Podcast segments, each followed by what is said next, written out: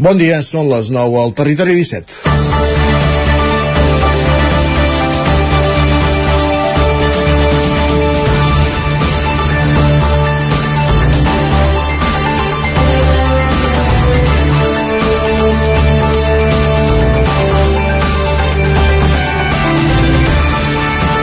Notícia de fa pocs minuts, els Mossos d'Esquadra informen de la detenció de quatre persones relacionades amb la mort d'un home de 42 anys el passat 28 de gener a Vic. Ho recordaran, és el cas d'un home que es va veure immers en una baralla al barri del Remei de la ciutat, de la capital d'Osona, i quan va ser localitzat va rebutjar l'assistència mèdica. 24 hores més tard, la seva família tornava a demanar ajuda i moria al cap d'unes hores a l'hospital. Doncs bé, els Mossos donen per resol el cas després de detenir quatre joves, el darrer aquest mateix dilluns a Breda, a la Selva. Es tracta d'un home de 21 anys. Els altres tres són els detinguts en una operació policial sota el més estricte secretisme el passat 23 de maig a Torelló. Ho vam explicar a l'antena del Territori 17 que hi havia un fort desplegament policial en aquesta població amb escorcolls i detinguts als carrers del nucli antic però sense poder donar detalls dels motius. Es tractava de tres joves més de 19, 21 i 22 anys relacionats amb aquests fets. Ara el quart dels detinguts està pendent de passar a disposició judicial. Territori 17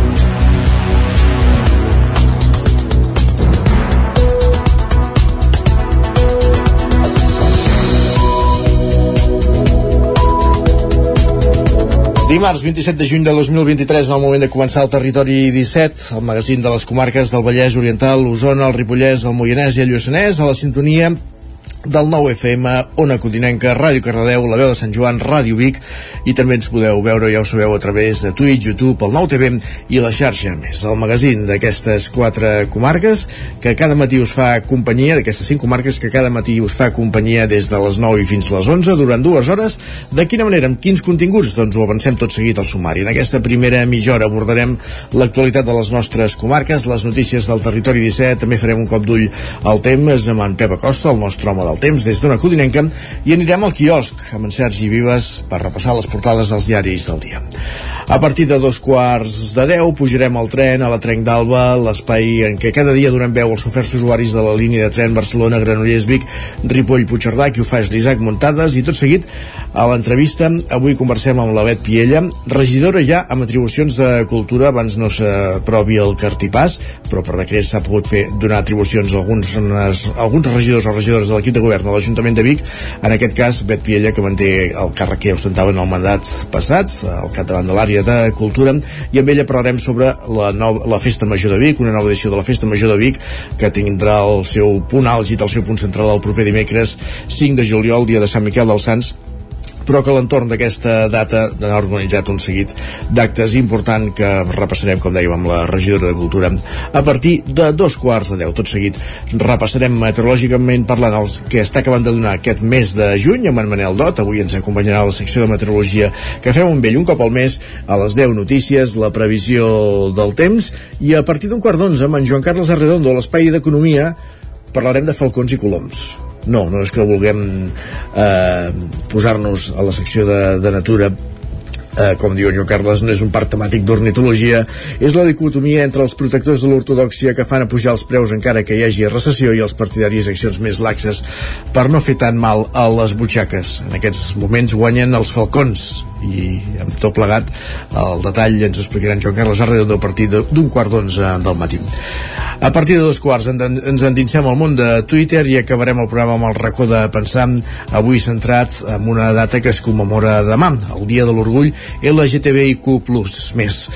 Per tant, això eh, d'això tractarà avui el racó de pensar en companyia de la Maria López a la recta final d'un territori 17 que ara comença, quan passen 4 minuts i mig de les 9 del matí, amb el repàs, amb les notícies més destacades de les nostres comarques, les notícies del territori 17.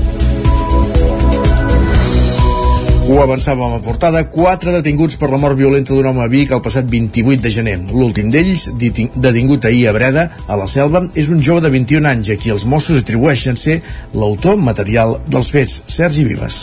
Els Mossos d'Esquadra han informat aquest matí de la detenció de quatre persones en relació amb el cas de l'home de 42 anys que va morir a Vic el passat 28 de gener a causa de les ferides patides en una baralla. La matinada dels fets, després de rebre l'avís d'una baralla, els serveis d'emergències van localitzar localitzar la víctima malferida, però va rebutjar l'assistència mèdica. Al cap de 24 hores, la família de la víctima va tornar a avisar els serveis d'emergències i el van ingressar a l'hospital on va acabar morint a causa d'un cop al cap que havia rebut durant la baralla amb un objecte contundent.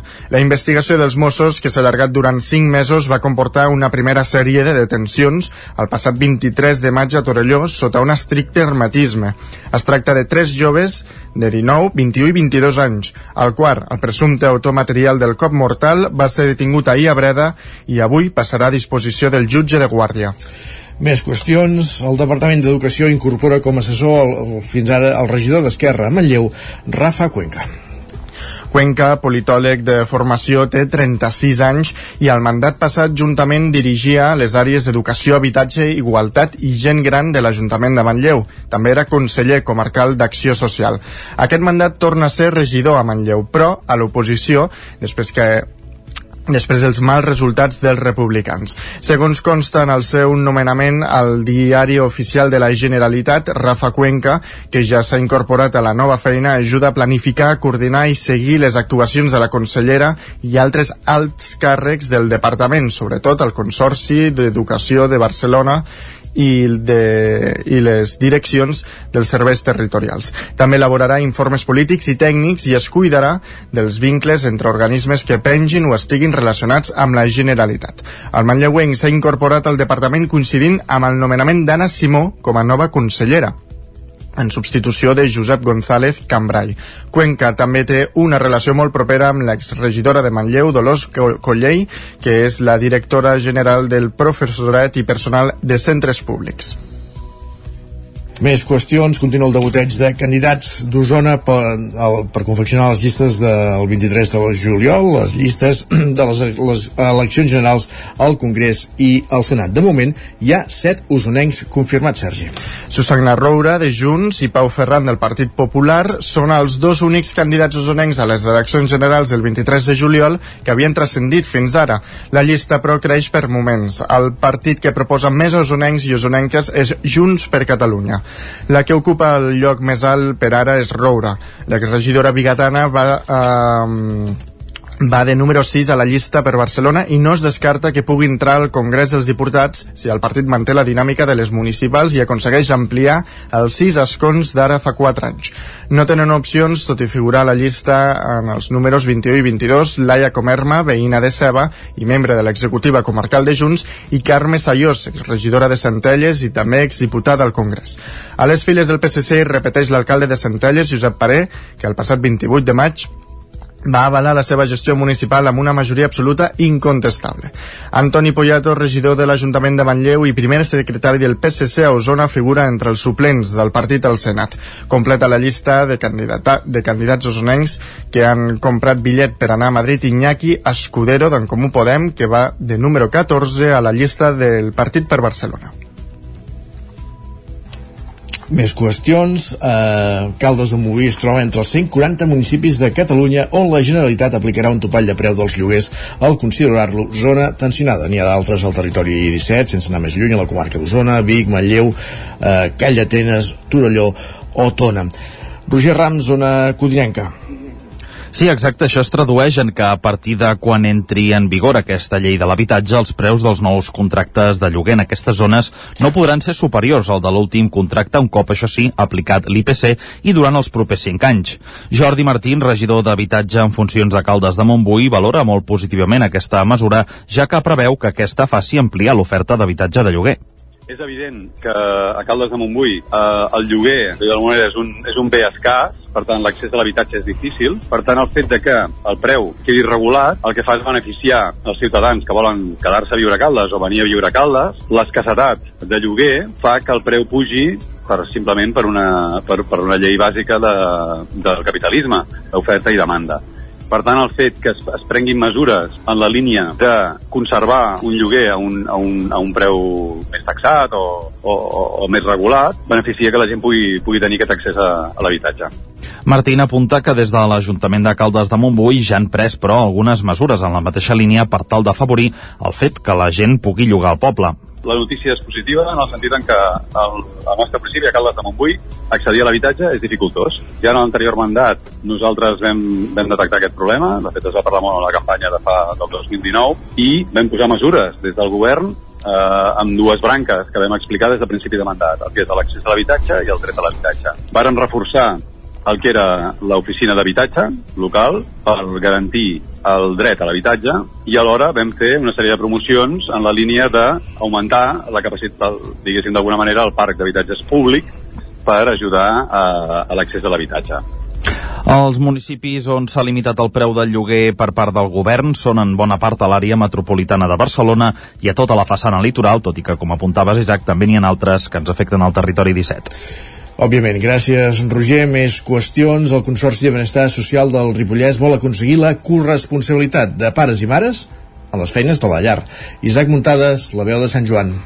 Del 8 tema, el Consorci de Benestar Social del Ripollès va voler iniciar un experiment per posar el concepte de corresponsabilitat a sobre la taula, enfocant-lo a buscar una distribució equilibrada, equitativa i funcional en la planificació i organització de les tasques de la llar, la cura dels infants i les persones dependents. Per això, des d'aquest ens es va preguntar un total d'11 centres educatius com són els Instituts Abat d'Oliva de Ripoll, el Mestre Andreu de Sant Joan de les Abadeses, els Germans Vila i Riera de Camprodon, el de la Vall de Ribes, a les escoles Joan Maragall, Tomàs Reguer, Badruna i Salesians de Ripoll i a les llars d'infants La Daina de Ripoll, el Zercom Ternal de Vallfona del Ripollès i el Centre d'Educació Especial Ramon Sorinyac, hi havia igualtat en el repartiment de tasques de la llar a la comarca del Ripollès. Van participar-hi més de 900 alumnes d'infantil primària i secundària, els quals havien de posar una pilota en un cistell amb el símbol de l'home o de la dona en funció de qui feia la feina a casa. En la primera tanda de preguntes sobre les tasques de la llar, com eren fer l'esmorzar, el dinar, el sopar, posar la roba a la rentadora, estendre-la i plegar-la, fregar els plats, omplir rentaplats, treure la pols, escombrar i fregar i fer els llits, van guanyar les dones amb el 65% de les respostes pel 35% dels homes. En canvi, en la segona tanda de preguntes associades amb el manteniment i l'exterior de la casa, amb qui feia la compra i l'endreçava, qui feia les reparacions de la casa, com canviar una bombeta, qui treia les escombraries i qui feia el manteniment del cotxe i la bicicleta, sortien guanyant els homes amb un 67% de les respostes per un 33% de les dones. Els mateixos nens veien que hi havia un desequilibri molt gran en els dos aspectes. Les cistelles haurien de sortir iguals. Hauria de sortir igual a casa perquè els dos treballen fora. A fora de casa va més el pare i a dintre casa es queda més la mare. Els homes treballaven fora i no deixaven treballar les dones i ara treballen els dos. Hauria de sortir per igual. Els pares haurien de col·laborar més. No s'ha arreglat perquè encara la majoria de gent està en aquesta injustícia. Encara creu que la gent, les dones han de fer les feines de casa. Les feines s'han de repartir, no hi ha feines d'homes i de dones. Per tal d'equilibrar les balances, des del Consorci de Benestar Social demanen que es parli a casa amb tots els membres de la família per fer un repartiment de les tasques més equitatiu. Per això, des d'aquest ens es posa a disposició de les famílies una grella de planificació amb el llistat de tasques per poder-la repartir entre tots. Aquesta grella es pot recollir impresa a la seu del Consell o descarregar-se-la de la pàgina web. Gràcies, Isaac. Més qüestions. El claretià Joan Soler, president del casal Claret de Vic, celebra els seus 50 anys d'ordenació. Ho ha fet amb una missa multitudinària i un sopar amb desenes de persones, Sergi. Soler va arribar a la capital osonenca l'any 1990 i amb aquests 33 anys ha arrelat a la ciutat on condueix iniciatives com l'Escola de la Pau en els seus dos vessants, al que es dirigeix a adolescents i joves i al que es centra la mirada en persones amb dones, sobretot nouvingudes. I és que Soler, ferm defensor de la interculturalitat, sempre s'ha situat al costat de les persones migrants. Ho demostrava un cop més aquest dissabte, que va aprofitar per reivindicar més compromís tant per part de l'administració com de la ciutadania respecte a aquest col·lectiu. Reivindicar una vegada més els drets, a tenir papers, a tenir un habitatge digne, a ser respectades, ser respectats i poder conviure com a ciutadans i que puguin fer les seves aportacions com fem qualsevol altre ciutadà o ciutadana amb les nostres feines, amb el que sigui. No? I per altra banda també aquest treball de relació amb persones d'altres tradicions religioses o d'altres confessions cristianes que jo estic convençudíssim de que ens enriqueix a tots en el nostre camí, en les nostres tradicions i que potser hauríem de poder viure-ho més sovint i trobar-ho més sovint. No? Soler va mostrar-se molt agraït per un camí, va dir que li ha permès trobar-se amb persones i històries molt diverses que han contribuït al seu procés personal. Perquè m'he trobat amb un munt de gent preciosa, cada un, cada una amb les seves històries, els seus processos, els seus camins i les seves aportacions, no? I jo crec que la gràcia precisament de la nostra amistat i la nostra relació és aquesta, que descobrim i valorem el que viu cada un, cada un, el seu camí, eh, les seves coses fantàstiques, els seus dols i el seu creixement personal, el seu creixement com a grup. La celebració va continuar amb un sopar comunitari a càrrec de les dones al projecte de cuina Dinem Plegats, que des de fa anys impulsa el Casal Claret. El valencià, el valencià Sergio Planella i l'alacantina Charo Esquiva, tot que del País Valencià, són els nous campions d'Espanya de tennis en categoria cadet després de guanyar les finals disputades diumenge a les instal·lacions del Club Tenis Vic. La primera final en disputar-se era la femenina. Esquiva es va enfrontar contra Eugenia Menéndez. Amb la seva superioritat en el terreny de joc va demostrar ser una de les joves promeses del tennis espanyol amb més projecció, igual que els valencians que van disputar la final masculina, Planella i Andrés Santamarta. De tots ells en parla el director del torneig, Joan Pérez. Charo Esquiva, que per mi té un futur molt gran, fa poc va jugar Roland Garros Júnior, vol dir que jugaven nenes de més anys, de 18 anys, i va fer octaus de final i fent un gran paper. I els dos nois que estan jugant a la final són els dos millors jugadors d'Espanya. Aquest hivern van quedar tercers d'Europa amb aquests dos nois i crec que tant un com l'altre té un futur molt gran. Durant 10 dies, per les pistes del Club Tenis Vic hi han passat un centenar de tenistes, els millors esportistes del país d'aquesta categoria. Un escenari adjudicat amb motiu del 75è aniversari del club i per la seva experiència en l'organització de tornejos.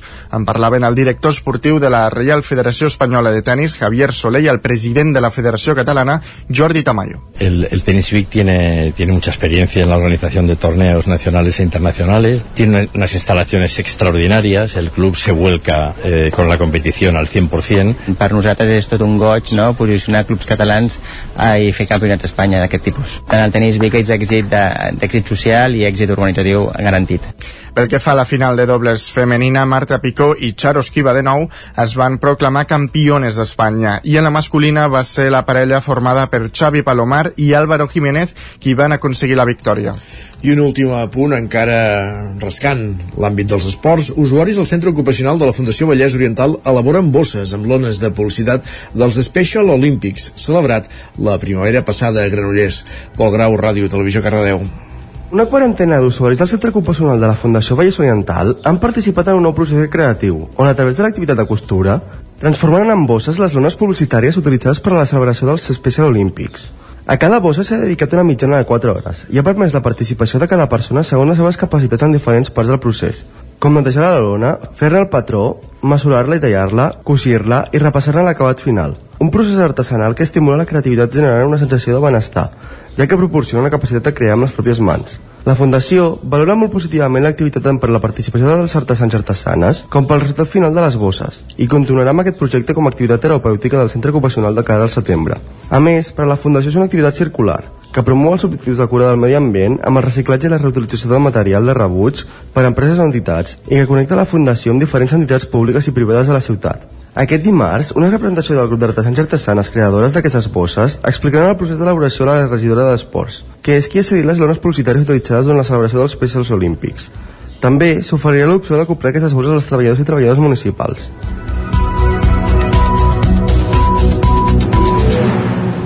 Gràcies, Pol. Aquí acabem aquest repàs informatiu que començàvem al punt de les 9 en companyia de Pol Grau, Roger Rams, Isaac Muntades i Sergi Vives. És moment al territori 17 de saludar també el nostre home del temps, que completa el pòquer, en Pep Acosta.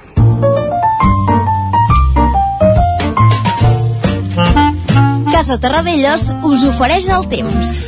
Pep, continuat patint calor aquesta nit. Com evolucionarà les temperatures, com evolucionarà la setmana? Benvinguts, bon dia.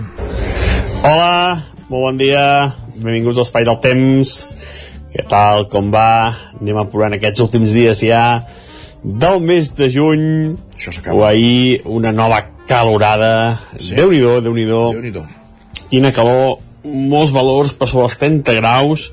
Però això sí, els termòmetres després van desinflar uh, un o dos graus eh, imperceptible gairebé.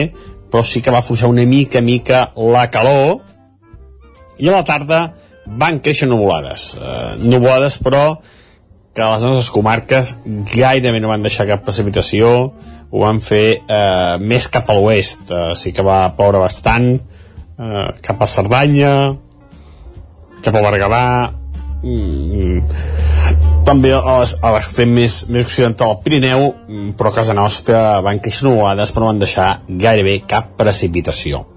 I avui tindrem un temps molt semblant a d'ahir, però amb les temperatures una mica més baixes.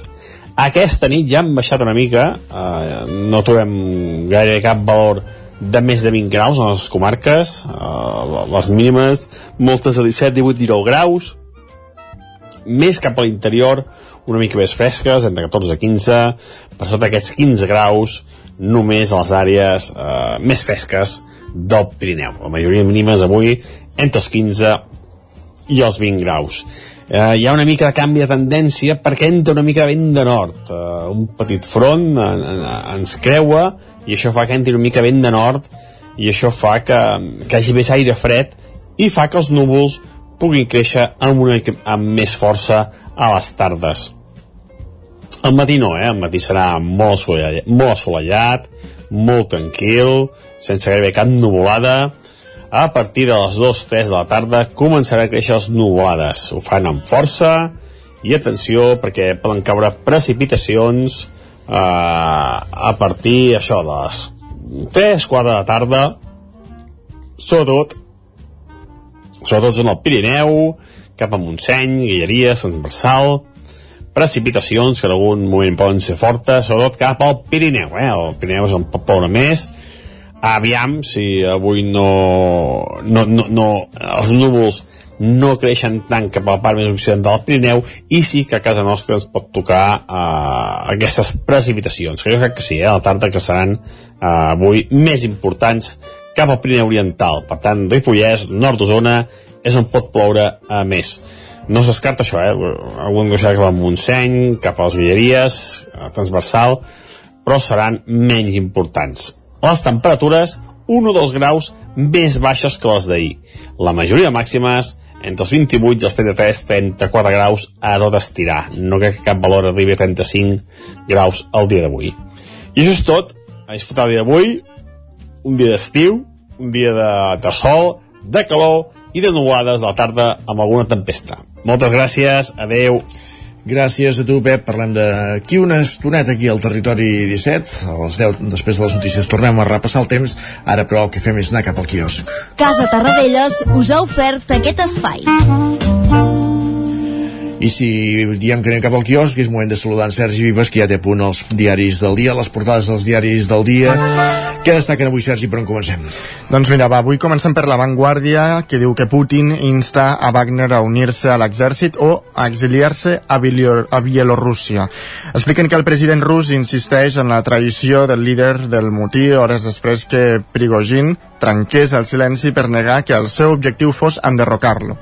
Seguint amb aquest tema, el periòdico diu que la Unió Europea rearma Ucraïna davant la debilitat de Putin. Expliquen que els 27 acorden 3.500 milions més per a Zelensky.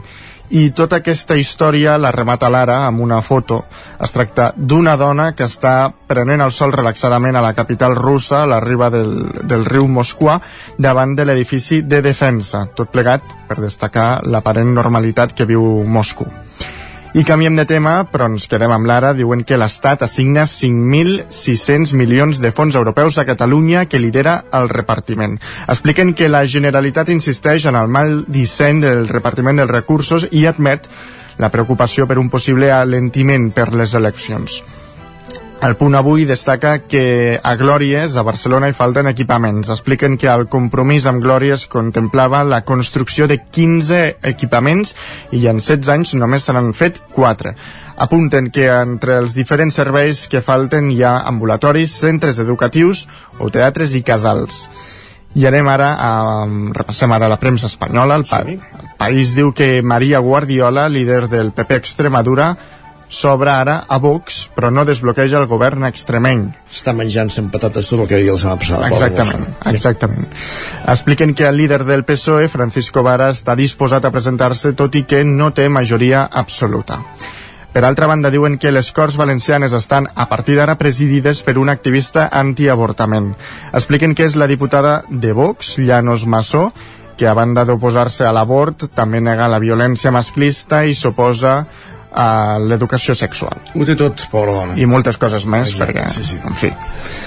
L'ABC es desperta avui enfadat, diu que el PP ja ha perdut 15 dies eh, de precampanya pels seus embolics amb Vox, um, expliquen que Gènova imposa un reglament a Extremadura mentre que a València es constitueixen les Corts presidides, com dèiem, pels, pels Abascal.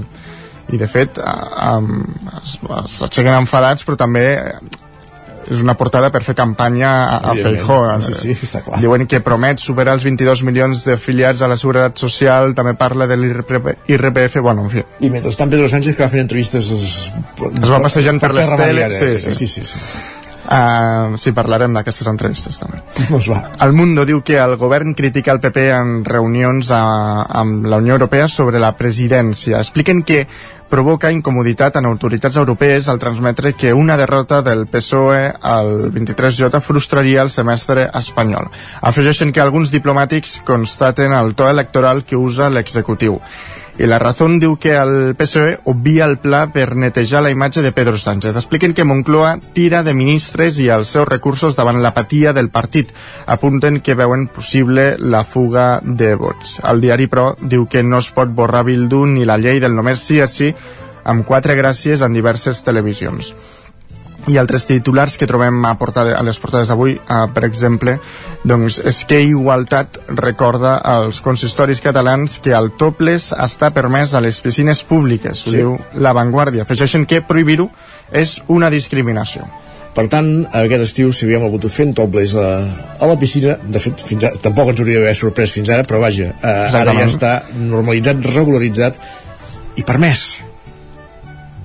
Doncs eh, aquestes són les, uh, titulars que trobem avui. Doncs repassem ràpidament digitals, a l'edició d'Osona i el Ripollès de la 99.cat. Doncs mira, ens trobem aquests 15 dies que tenim per endavant de Festa Major de Vic. Molt bé, parlem tot seguit a l'entrevista i a la del Vallès Oriental. Doncs que el president de Renfe visita les obres de renovació de l'estació de França de Mollet. Doncs perfecte, Sergi, moltíssimes gràcies. A tu. Fem una petita pausa i tornem amb la resta de continguts previstos en aquest matí de Territori 17. El nou FM, la ràdio de casa, al 92.8.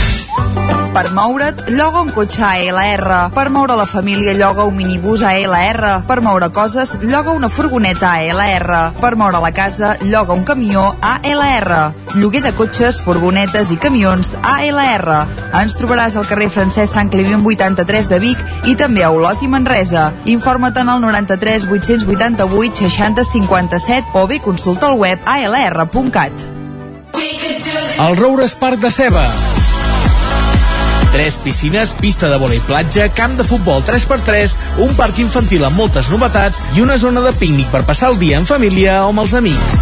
Del 24 de juny fins al 3 de setembre ens pots visitar des de dos quarts d'onze del matí fins a dos quarts de vuit del vespre. Vine de pícnic al Roures Parc de Ceba. Diversió per tota la família. Quan tingui un problema amb la seva caldera, vagi directament a la solució. Truqui sempre al servei tècnic oficial de Saunier Duval i despreocupis, perquè som fabricants i coneixem les nostres calderes peça a peça. I ara aconseguiu fins a 250 euros en canviar la caldera. Informeu-vos al 910 77 10 50 o a saunierduval.es. Rètols 2 Art. Experts en comunicació visual, rètols, banderoles, vinils, impressió, plaques gravades, pancartes, senyalització, displays... Rètols 2 Art. Més de 30 anys al vostre servei. Ens trobareu a la carretera de Vic a Olot número 7, al polígon Les Casasses de Vic, dosartvic.com, telèfon 93 889 25 Aquest estiu vine a viure el Festival Macroclima a Camprodon. Miqui Núñez, Blaumut, Helena Gadel, Missima, Pau Ballvé i molts més us esperen en un entorn immillorable. També concerts pels més petits amb Xiula i de Marisa Labert, l'humor de Quim Esferrer i una àmplia oferta de gastronomia de la vall. Compra ja la teva entrada i vine a Camprodon a gaudir del macroclima. Davant l'escassetat hídrica, fem un consum responsable de l'aigua, perquè cada gota que estalviem serà una gota més per al planeta. No et quedis sec. Tanca l'aixeta. Akbar amb tu.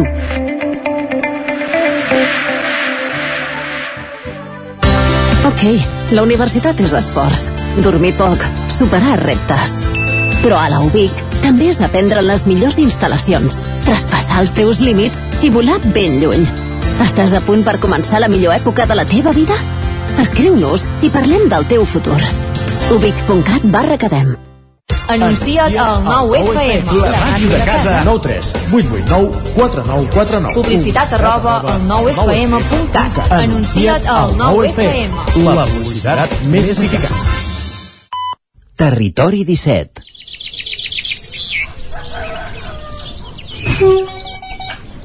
A Tren d'Alba.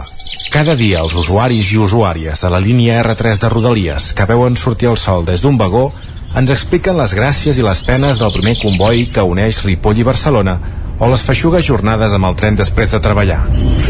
Benvinguts a Tren d'Alba. El que escoltareu avui a la crònica d'en Jordi Valls no és cap drama d'acció d'una pel·lícula ni la sinopsi del nou videojoc del Gran Theft Auto, sinó la realitat del dia a dia a l'R3 amb un punt picant més. Bona tarda, sóc en Jordi de Centella. Sí, sí, bona tarda i us ho gravo dilluns. Tela avui! Hi ha hagut quan he arribat a plaça Catalunya ja cap a dos de 5 i avisaven d'un atropellament a la R1. Me'n vaig cap a Sants per poder ocupar-me i seure bé i perquè no fa tanta calor, a plaça Catalunya és infernal, i avisen d'atropellament a la R3 just quan feia 5 minuts que ens havíem avisat per WhatsApp. Se m'acudeix agafar, he anat corrents a Sagrera, he agafat l'E12 i he tingut sort, he arribat una hora i mitja més tard, perquè després a Vic, a Centelles, hi havia un semidirecte que anava tirant. Però tela, perquè pel mig hi ha hagut un altre atropellament a la R14 i la bomba, i mai millor dit, i ho dic en broma, eh, plaça Catalunya evacuada per avís de bomba. O sigui, una tarda d'aquells, els que heu baixat a fer el guiri, mai millor dit, a Barcelona en transport públic em sembla que se us, han, se us hauran tret totes les ganes. Tela, tela, i amb la calor i la xafogó que fa. Infernal. Bé, una aventura però aquesta de les grosses. Molts ànims per qui, per tothom que hagi pillat i molts ànims perquè els que avui hagin de baixar cap a Barcelona. Adéu-siau. Doncs sí, tal com diu en Jordi, va ser una jornada negra la d'ahir a la tarda. Aquests tres atropellaments i l'aparició d'un possible artefacte explosiu que va obligar a evacuar l'estació de metro i dels trens de Rodalies de plaça Catalunya per ordre dels Mossos d'Esquadra durant uns minuts al voltant de les 5 de la tarda. L'ordre es va donar per l'alerta d'un possible artefacte explosiu en un comboi procedent de Vila de Cavalls. Segons expliquen alguns testimonis, van viure algunes corredisses. Els Mossos van escorcollar el tren i després de descartar que es tractés d'una bomba, es va reobrir l'estació. El desallotjament va afectar l'L1 i l'L3 del metro i el servei de les línies R1, R3 i R4 de Rodalies, que va estar sense circulació durant uns 15 minuts. Va, ens retrobem demà amb més històries del tren i de la R3. Territori 17, el 9 FM, la veu de Sant Joan, Ona Codinenca, Ràdio Cardedeu, Territori 17. Dos minuts i mig que passen de dos quarts de deu del matí. Al Territori 17 anem cap a l'entrevista. Avui una entrevista, eh, ja avisem, una entrevista gravada amb la regidora de Cultura, amb atribucions de Cultura a l'Ajuntament de Vic, Bet Piella, una entrevista enregistrada aquest mateix dilluns i fem, i fem esment perquè notareu referències temporals que ja fan referència al mateix dilluns i avui ja, ja són dimarts. Per tant, tot seguit, al Territori 17 a l'entrevista parlem de la Festa Major de Vic.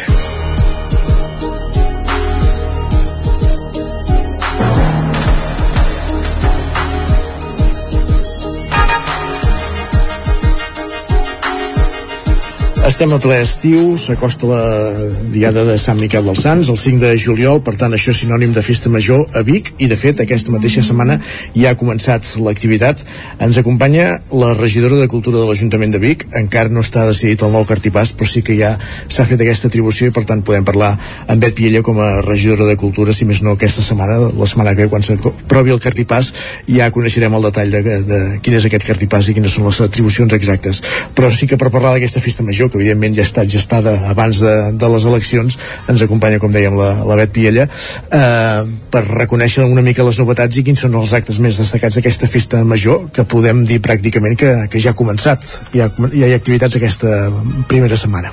Hola, bon dia a tothom. Sí, sí, avui comencem ja amb, la, amb les festes de les colles. Les colles són sempre eh, donen el tret de sortir de la festa major i per tant a partir d'avui 26 de juny fins al 9 de juliol tindrem un munt d'activitats per tots els gustos, per totes les edats i com sempre combinant els concerts, la cultura popular, les activitats esportives, les culturals, moltíssimes activitats que a partir d'avui doncs, faran les delícies de tothom.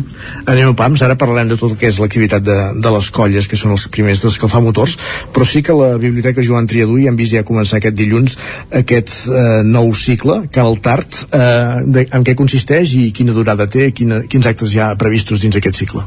Em sap greu, però no serà la Biblioteca Joan Triadú, eh? serà, serà la nova Biblioteca Pilarín Vallès, aquest és el costum que tenim, però aquest any tenim el, el goig de poder incloure les activitats de la Biblioteca Pilarín Vallès a, a la Festa Major, i sí, sí, com deies, aquest cicle Cap al Tar, que comença avui, avui comença amb teatre, però hi tindrem, eh, i avui comença amb teatre i tastos, avui també farem un petit tast de vins, però continuarà tot el mes de juliol, amb poesia i amb altres gèneres per anar acostant eh, aquesta activitat de la Pilarín Vallès i fer-ho d'una manera com més distesa i fer-ho a la terrassa eh? no ens tocarà gaire la fresca però potser eh, doncs, el parasol i això doncs estarem, estarem ben ambientats i serà un lloc molt bonic per, per tenir aquesta, mm, aquesta petit, aquest petit, petit tast en aquest cas de teatre i altres dies de poesia anem encara adoptant el nom de la Biblioteca Pilarín Vallès farà un any que està inaugurada i encara recordem la, la, quan tirem de clixé la, la Joan Triadú,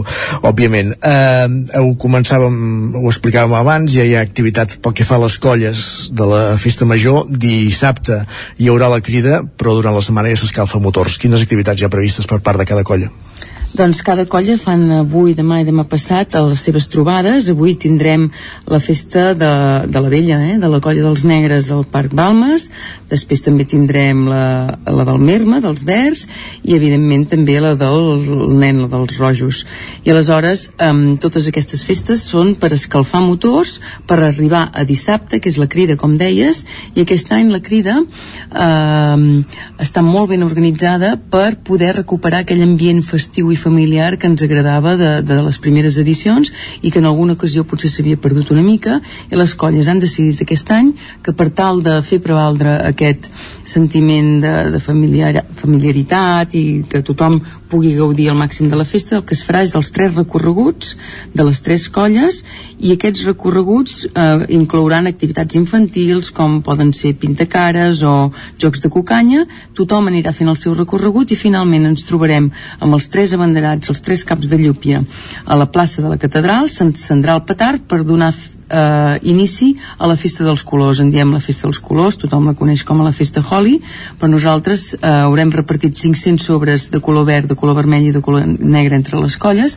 i un cop ens trobem tots amb els abanderats i els caps de llúpia a la plaça de la catedral, catedral després d'haver fet aquests tres recorreguts, doncs farem aquesta festa dels colors que, que per primera vegada farem aquest any com a novetat el que és uh, els actes tradicionals tindran lloc evidentment el dia de Sant Miquel, dimecres de la setmana vinent abans d'arribar a aquesta data, durant aquesta setmana quins altre, quines altres novetats quins alt, de quins altres actes es poden gaudir a la Festa Major de Vic mm. Hi ha moltes, moltes activitats, però jo podria destacar, per exemple, els concerts així com de gran format, que serien el de Doctor Prats, que el tindrem a la plaça Major, i anirà precedit del concert de Gresca, que és un grup de joves biguetans que aquest any celebren el desè aniversari i ens va semblar que una bona manera seria posar-los de taloners del doctor Prats. Evidentment també hi haurà el concert per a aquesta gent, eh, la gent més gran, que és el concert de la principal de la Bisbal, les Habaneres i també a la plaça Gaudí i també hi haurà el Sarau a la plaça dels Màrtirs i eh, com és tradició també el concert de Tornabuda.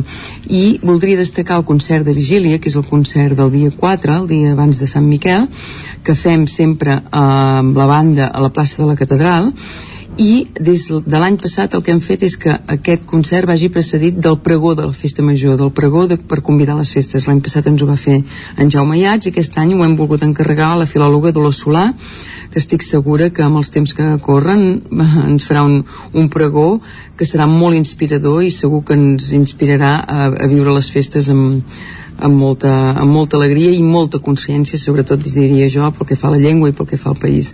Per tant, la Dolors Solans farà aquest pregó el dia 4 abans del concert de vigília i, com us deia, eh, moltes activitats esportives i culturals, tots aquests concerts, i per arribar al dia 5 de juliol amb tota la part més de cultura popular. Mm -hmm fem un petit parèntesi ara que citàvem el pregó de la Dolors Solà, que durant molts anys ha estat la, la directora del Consorci per la Normalització Lingüística aquí la, a la comarca d'Osona, ja comentàvem que evidentment la llengua eh, serà present lògicament en aquest pregó, perquè aquesta figura aquest any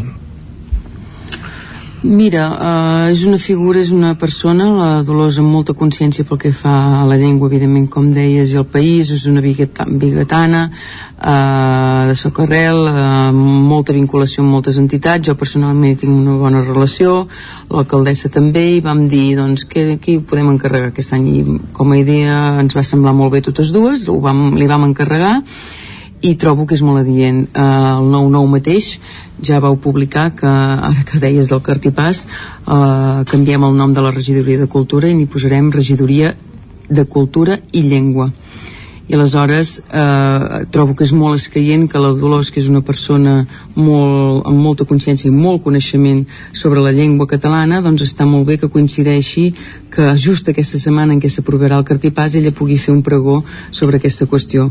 Per mi és un aspecte fonamental i per això l'hem volgut incorporar també en el cartipàs. Mhm. Com bé dèieu, el dia 5 de juliol és el, el dia de, de Sant Miquel dels Sants, el dia de, de, les, de la part més tradicional de, de la festa major, on un, un dia més hi haurà eh, el seguici eh, institucional amb totes les figures que, que té la, que la ciutat eh, a lluir al carrer, diguéssim. Doncs sí, el dia de Sant Miquel començarem amb la lectura del vers de l'espígol a la sala de plens.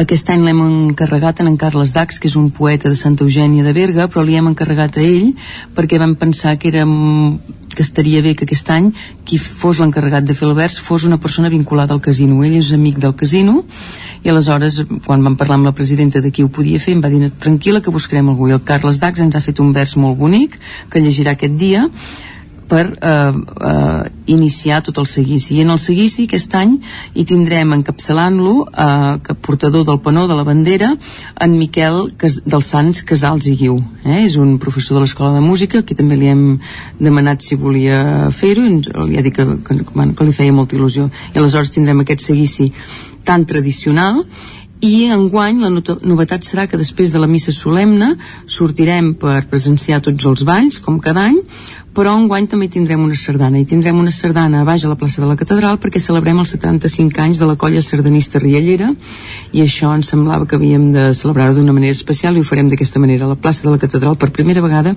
hi haurà una sardana i una, un seguici que també té la seva versió infantil i la xurriacada, diguéssim que també és la manera d'implicar els més petits en aquesta celebració. Sí, sí, um, aquest aquest aspecte, diguem, és un mèrit grandíssim de tota la colla de geganters, de, principalment del carrer de la Riera, però de tota la ciutat de Vic, totes les aquestes entitats geganteres i els grellers i tothom que ha sabut doncs, transmetre aquesta il·lusió per, per fer el seguici i com em comentaven l'altre dia doncs, per al seguici infantil han hagut de fer eh, ja fa uns quants anys un sorteig perquè hi ha tants, tanta mainada que hi vol participar que han hagut d'escollir-ne uns quants. Ara aquests dies justament estan fent els assajos amb molta il·lusió i sí, sí, veurem aquest seguici infantil i aquestes cercaviles. Enguany també la primera cercavila d'anar a buscar de, per, amb els gegants el que farem és que cadascú des del seu barri haurà d'anar a buscar el seu cap de llúpia a l'escultura en qüestió que li toqui. Anirem recollint-nos entre tots la vella, el nen, tots i tots pujarem cap a l'Ajuntament a buscar els gegants per començar la cercavila. Aquesta també és una novetat. Cada any es van incorporant novetats però sempre amb, com a base la tradició i la cultura popular de Vic que com deia gràcies a les entitats s'ha popularitzat molt i s'ha fet ja de manera festiva s'ha celebrat -huh. I veiem que no són els únics actes de, de cultura popular, podem parlar de la Nitgílio o fins i tot de l'última jornada de, de la trobada de Castellera eh, que es farà ja l'últim cap de setmana passat a Sant Miquel dels Sants. Sí, enguany els Segals també celebren els 25 anys i tot i que ho han celebrat durant tot l'any ens semblava que la festa major hi havien de tenir un paper important i acompanyats, diria, dels marrecs de sal i dels castellers de la Vila de Gràcia doncs tindrem la jornada castellera aquest 9 de juliol que a més a més és el dia que sempre per tradició eh, des de l'any des del segle XIX se celebra la, la conferència balmesiana i per tant aquest 9 de juliol també cap al final també tindrem el Castell de Focs com és tradició i tancarem amb la contracrida. Ja per últim sabem que hi ha mitja Bonsau a l'hora de premsa una sorpresa per aquest dijous a, la, a les 6 de la tarda a l'ETC que és la, la presentació d'un documental una sèrie documental, diguéssim fins on podem explicar doncs no podem explicar gaire perquè si no desvetllarem l'incògnita, però jo recomano a tothom qui tingui ganes de veure exactament què serà, que vingui a l'ETC el dia 6 de juliol a les 6 de la tarda i allà hi haurà la projecció d'un capítol que porta per títol La ciutat dels Sants, per tant ja es veu que és dedicat a Vic i concretament a un aspecte molt concret com de, de, de la ciutat de Vic que podria ser la festa major i aleshores aquest mateix dia, al vespre, després del Polònia, TV3 retransmetrà aquest mateix capítol per tot el país, però nosaltres ja l'haurem vist en primícia a les 6 de la tarda. Aquest capítol forma part d'una sèrie documental que es diu El Teorema del Mico, fet per una productora bigatana, però el capítol en qüestió, que és la ciutat dels Sants, és iniciativa de dos joves, dos joves bigatans molt talentosos. Doncs dijous a les 6 de la tarda sortirem de, de dubtes. Bet Piella, moltíssimes gràcies i molt bona festa major. Gràcies a tothom, bon dia.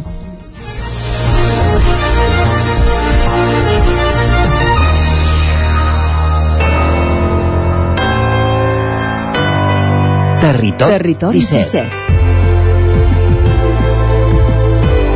Territori 17.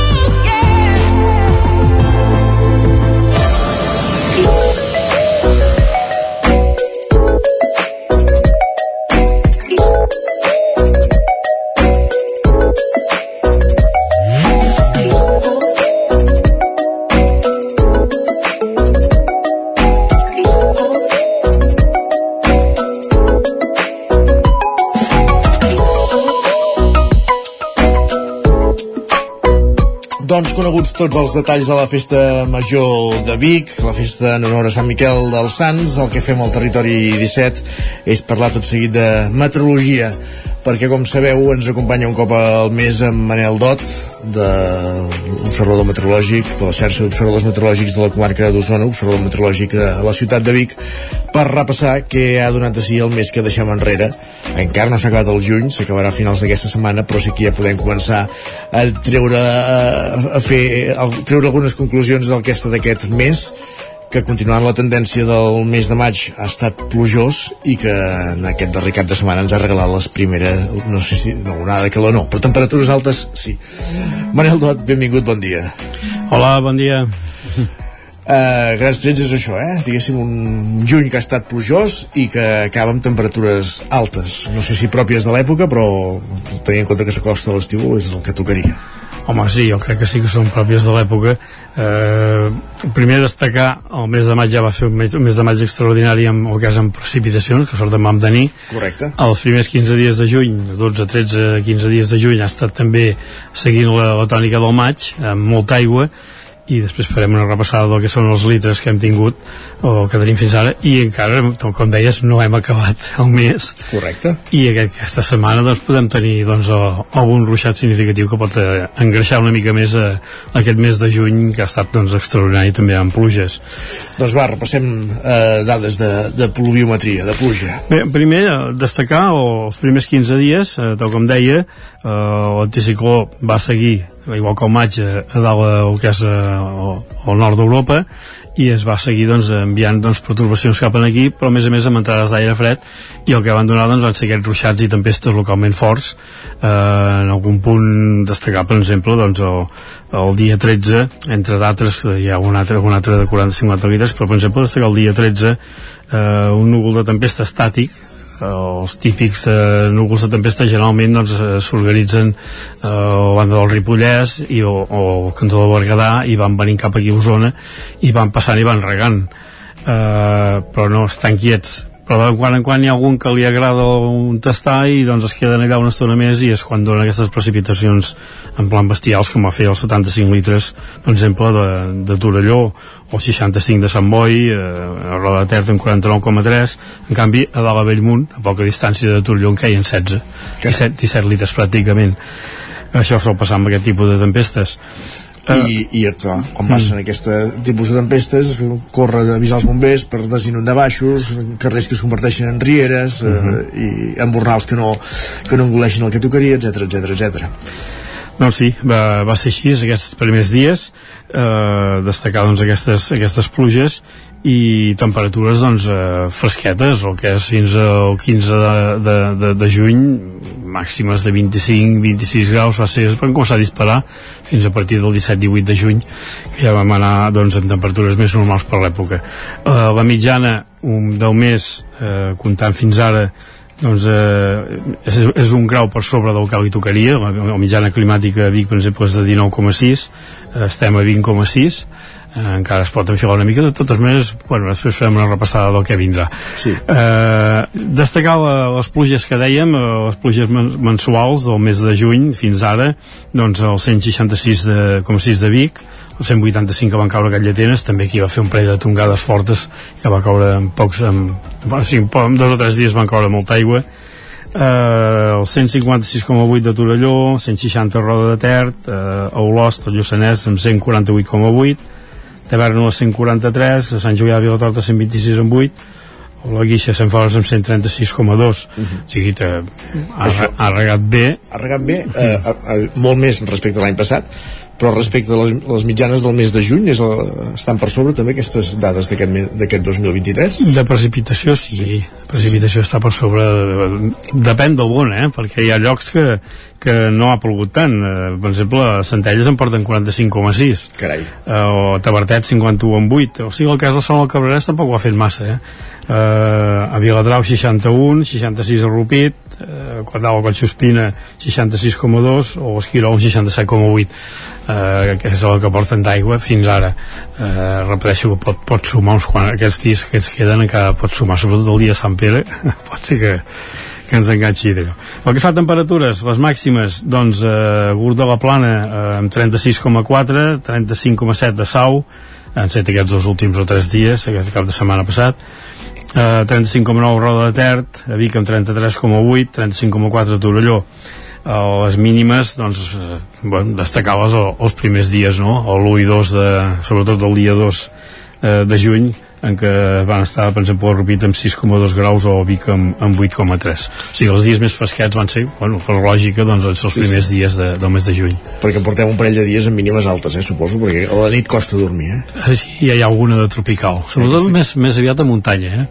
Uh, màxima, ai, mínimes de, de 20 graus i n'hem tingut alguna però més aviat és a, han estat a punts més alts que no pas a les valls uh -huh. les valls de rebem és l'hora del migdia. A partir del migdia sí que migdia i tarda ja ho hem notat tots que dormir costa, bueno costa. Ni anar a fer migdiada es pot fer. Jo, jo és que quan dius que quan les xifres superen el, el 30 ja em poso frenètic. Imagina't quan, uh -huh. quan parles de 36 i, i en amunt Uh, hem repassat pluges, hem repassat temperatures i ara deies que, que val la pena posar la mirada en el que pugui passar en el que queda d'aquest mes en el que queda de setmana eh?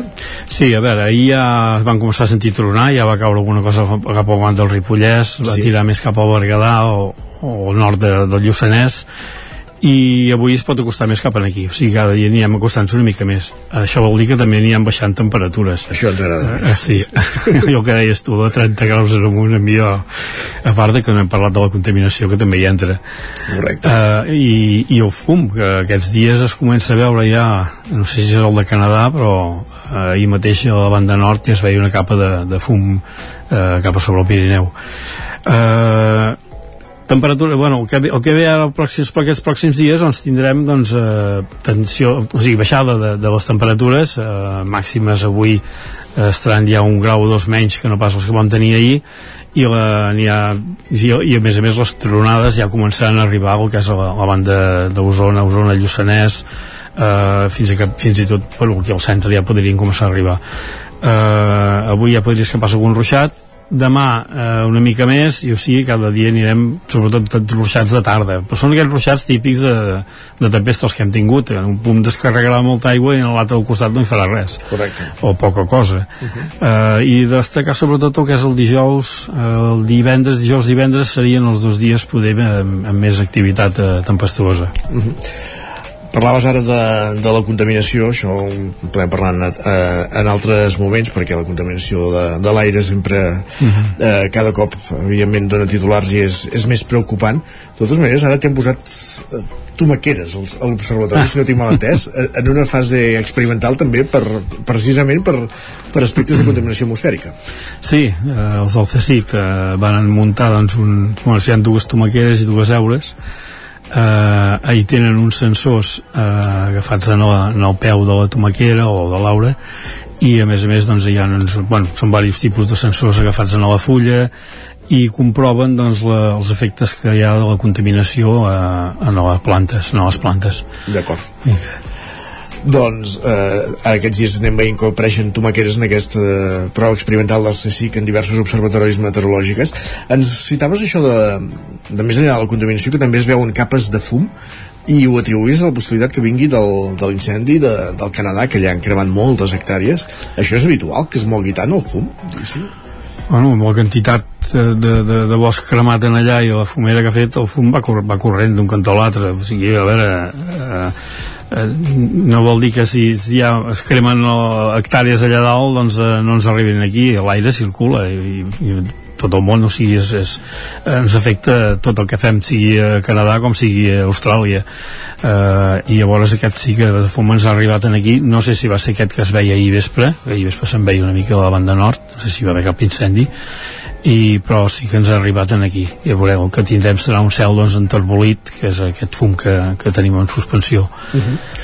Destacar també ara que em recordo ahir vespre es va veure un fenomen que molta gent doncs, ho ha enviat per xarxes i per tot arreu eh? sí, va ser doncs, bueno, no va ser un satèl·lit no crec, o va ser un, un coet de candidat aquí a França experimental o, i ha fet, va fer una espècie de, bueno, les típiques eh, que feixen els avions, els deixants dels avions sí. doncs eh, aquest va deixar doncs, eh, aquesta estela que com que era molt en l'aire doncs ho van veure pràcticament de tot arreu Carai. I ja per últim m'agradaria demanar-te també ja que avui serà l'últim programa d'aquesta temporada que ens acompanyaràs perquè el Territori 17 acaba el 14 de juliol i per tant ja no tindrem temps de fer balanç de, del mes de juliol eh, sí que m'agradaria que m'expliquessis que avancessis cap, cap on creieu eh, amb, el, amb la informació que tenim avui que com pot anar l'estiu meteorològicament parlant? Això ja saps que sempre et dic que és molt difícil i per això et dic amb, amb la informació que tenim avui eh, diguéssim i... Uh, bueno, ruixats i tempestes de tarda. A veure, fins al 14 o 15 hi havia bueno, pues comencem per Sant Miquel per la festa major. Ai, ai, ai. Bueno, i a Sant Pere també Uh, a veure, el dia 4 el dia 4 sí que és més complicat. El dia 5 sembla que, que s'arregla i dominarà el sol però el dia 4 sí que podríem tenir ruixats i tempestes de tarda. Hi ha concert a plaça el dia 4 uh, bé, són aquells ruixats que ja saps que passen de pressa uh, però esclar hi són, hi són. Sí, sí. hi ha possibilitats de que el dia 4 sí que hi hagi ruixats. Molt bé i a l'estiu res d'estrany de, més enllà d'aquestes típiques tempestes de, de tarda que d'estiu, diguéssim. I calor segurament que sí, segur. Temperatures altes, però bé, això no, no, no puc dir-te exactament què passarà, ojalà ho sapigués, si ho sapigués... Eh...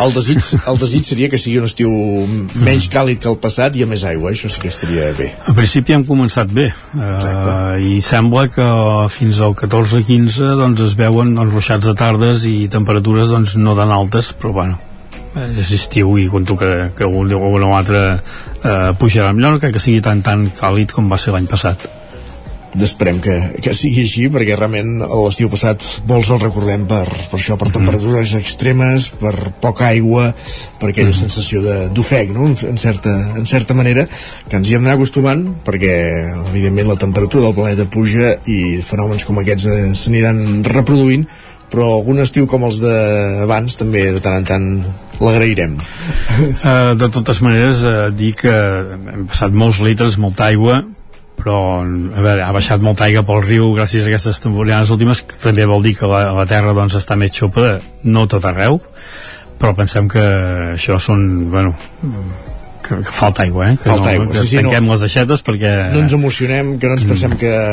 Això, que, que, que, que Sau estigui un 31% uh -huh. si ens mirem Susqueda està també un 31-32% vull dir que no... I de fet, falta aigua. quan parlem de, quan surt d'aquest tema sempre recorrem al mateix, que la consciència amb l'aigua hi ha de ser sempre i que al final que tampoc cal malbaratar-la l'aigua per viure cada dia i que segurament ens ho podem aplicar en moltes mesures que nosaltres apliquem al dia a dia ara en època de sequera i sempre i, i, i, so, i tan feliços diguéssim per entendre's. Mm -hmm. gràcies Manel. Uh, i bon estiu. Bon estiu a tothom. I bona festa major que també sabem que, que la vius amb intensitat. I a cuidar-se, gràcies. Exacte, igualment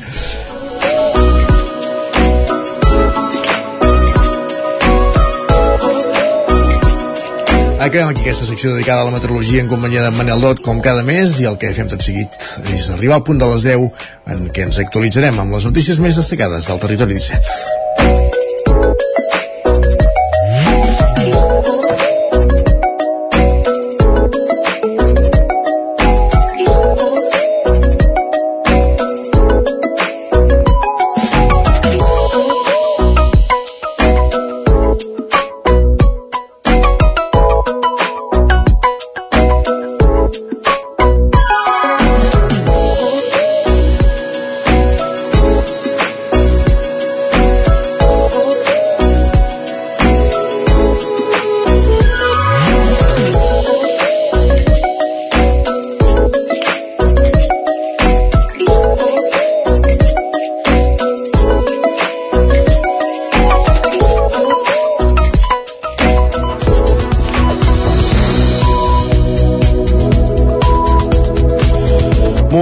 Moment per actualitzar-nos, moment per posar-nos al dia amb les notícies més destacades de les nostres comarques i ho fem en connexió amb les diferents emissores que dia a dia fan possible aquest programa.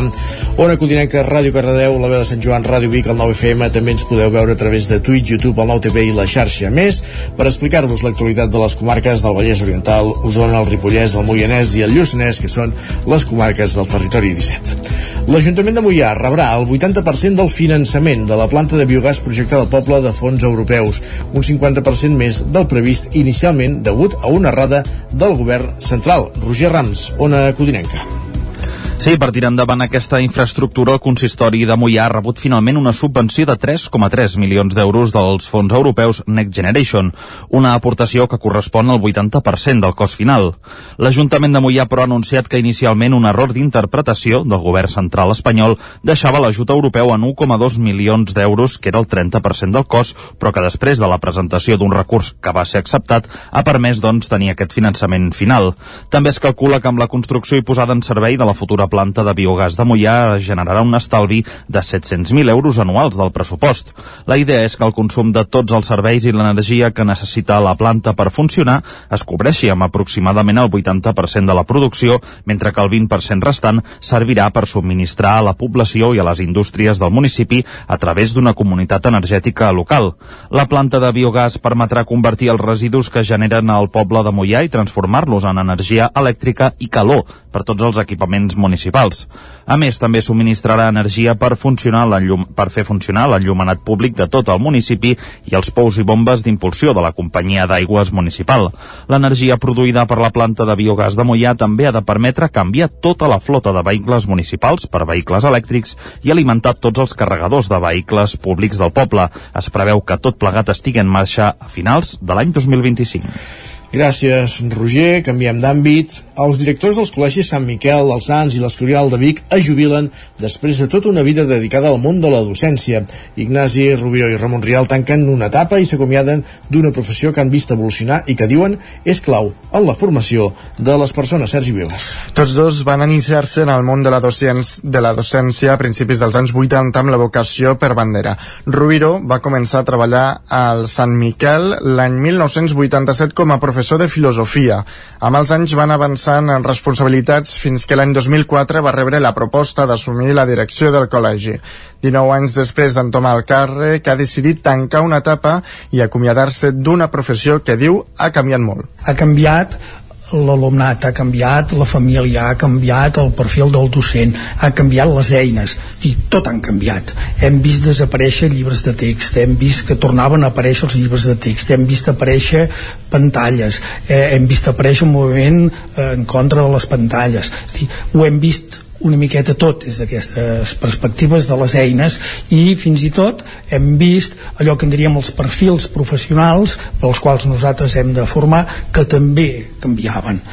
Potser mai tant com ara el futur eh, és incert Per altra banda, Ramon Rial va començar a treballar a l'Escorial l'any 1983, just quan va acabar la carrera de magisteri.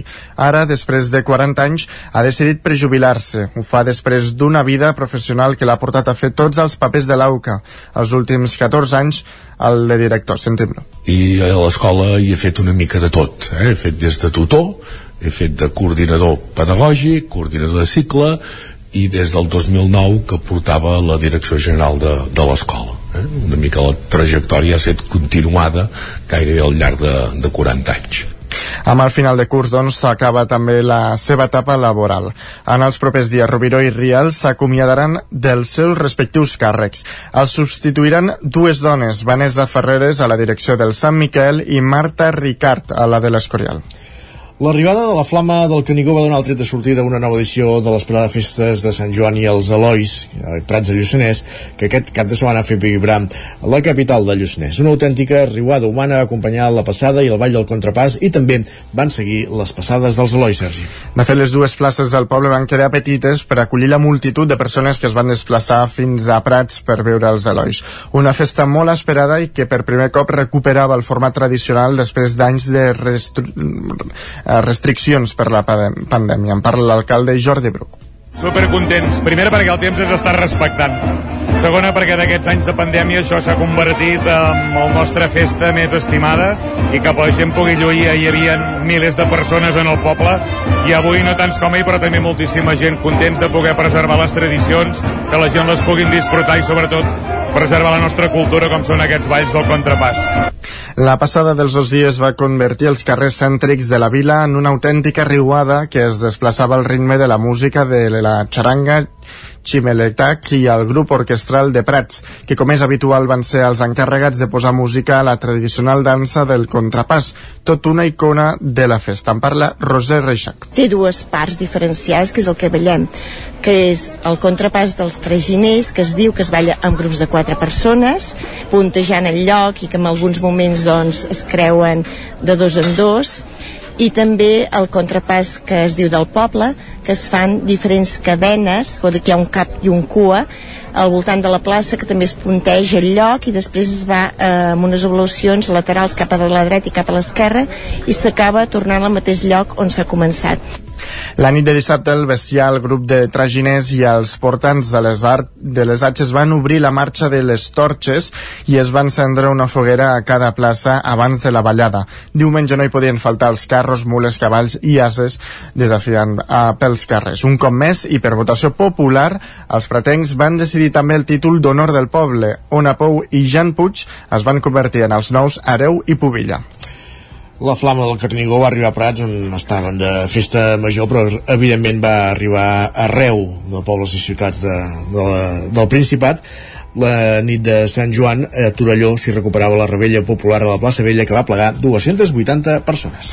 En aquest cas l'encarregat de dur la flama va ser el centre excursionista de Torelló que després de dies de travessa va arribar en parapent des de Bellmunt. La seva presidenta Berta Capdevila parla sobre el recorregut que han fet. Van marxar el dia 21, dos ciclistes que els van portar fins a Prats de Molló, allà van agafar les bicis, van anar fins al refugi de Marialles, van deixar les bicis, van pujar fins al cim del Canigó peu, van baixar, van fer nit a Marialles i després tornaven direcció Vidrà i una colla de parapentistes els han, han pujat de Vidrà fins a dalt Bellmunt i s'han tirat en parapent i la flama fins a Sant Pere i ara un grupet de, de, de, de petits runners de la Vall del Gès l'hem portat fins, a, fins aquí Posteriorment, els Diables del Gès van ser els encarregats d'encendre la foguera a la plaça Vella. A la mateixa plaça va tenir lloc el sopar popular que va donar pas als concerts. L'assistència de 280 persones va confirmar l'èxit de la iniciativa d'enguany que pretén ser el punt de partida per poder mantenir la celebració al llarg del temps. I també va encendre les fogueres a Cardedeu la flama del Canigó. Pol Grau, Ràdio Televisió Cardedeu. La baixada de la flama del Canigó és una tradició catalana vinculada al solstici d'estiu i amb el foc del cit del Canigó portar pels voluntaris s'encenen les fogueres de la nit de Sant Joan, repartint el foc arreu dels països catalans. Ens explica Daniel Caral d'Òmnium. Bé, doncs eh, no deixa ser fàcil perquè és el novè any que ho fem des de que es va reprendre s'havia fet als anys 80 i ara això, fa 9 anys ho vam reprendre. I d'alguna forma doncs tant Òmnium com Cardances com també Ajuntament que som els tres que uh, aquest any organitzem doncs ho tenim més per la mà i, anem fent i, i ja ho veieu, la plaça ja comença a estar plena. Cada 23 de juny s'escull una temàtica diferent i aquest any s'ha l'esport en català. Per això, les principals representants portant la flama han estat l'Ona i l'Estel, dues atletes cardedeuenques que van ser guanyadors de diversos trofeus als especials olímpics. Núria Noguera, mare de les atletes, i Dolors Sala, exregidora d'Educació, han sigut les encarregades de la lectura del manifest escrit per Lluís Puig, exconseller de Cultura de Generalitat. Un cop acabats, s'han encès la foguera i s'ha seguit amb un sopar popular acompanyat de música mallorquina tradicional. I a la plana esportiva, ho dèiem ahir a la tertúlia esportiva, el Denc i el Corcón pugen a segona divisió, per tant no ho fa el Castelló de la Plana, l'equip que entrena el Ripollès Albert Roder, que ha estat destituït després de no aconseguir aquest objectiu. Isaac Muntades, l'àrea de Sant Joan. Aquest dilluns, el Club Esportiu Castelló de Futbol va anunciar la rescisió de contracte d'Albert Roder com a entrenador del primer equip després que l'equip castellonenc es quedés a les portes d'ascendir a la segona divisió. El Castelló va perdre aquest dissabte en l'eliminatòria final contra l'Alcorcón per 2 a 1 en el partit de tornada, ja que l'anada van empatar a 0. I això que els castellonencs s'havien avançat al marcador amb un gol de Jesús de Miguel al minut 12, però en 5 minuts fatídics a la segona part, amb gols de Manuel Adai al 56 i de Javier Castro al 62, els madrilenys van posar-se per davant en l'eliminatòria i els homes entrenats per Roder ja no van tenir temps per reaccionar. Fins i tot l'equip orellut va ser castigat amb l'expulsió d'Alfonso Pastor al temps afegit. Roder va dir que estava molt orgullós dels seus jugadors per haver competit fins al final i haver-ho deixat tot el camp i va apuntar que la clau havia estat en la remuntada express de l'Alcorcón. Gols que han tingut un impacte anímic bastant fort, ens ha costat. Crec que en aquell moment estàvem controlant bastant bé algunes situacions que havíem arreglat a la mitja part, ha sigut un gol, un tir exterior que ha anat a dins i a partir d'ara l'equip li ha costat gestionar aquells minuts posteriors al primer gol, ha arribat al segon amb una acció de pilota parada, ells són molt forts de pilota parada i al final nosaltres no hem tingut aquella paciència que es caracteritza en pilota i ho vaig dir a l'anada que era una cosa molt important que la segona part si havíem fet bé ens havia costat molt a guanyar. Avui crec que per petits trams hem pogut tenir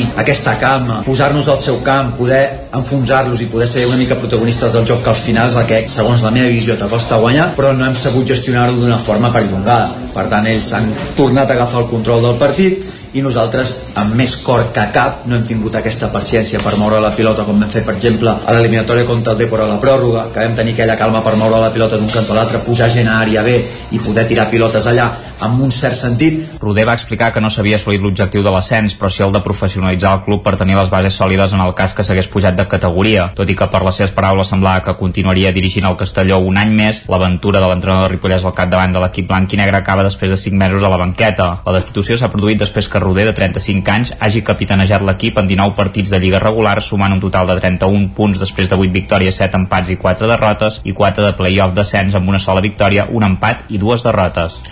Gràcies, Isaac. Acabem aquí aquest repàs informatiu que començàvem al punt de les 10 en companyia d'Isaac Muntada, Sergi Vives, Pol Grau i Roger Rams. Moment al territori 17 de saludar també el nostre home del temps, en Pep Acosta.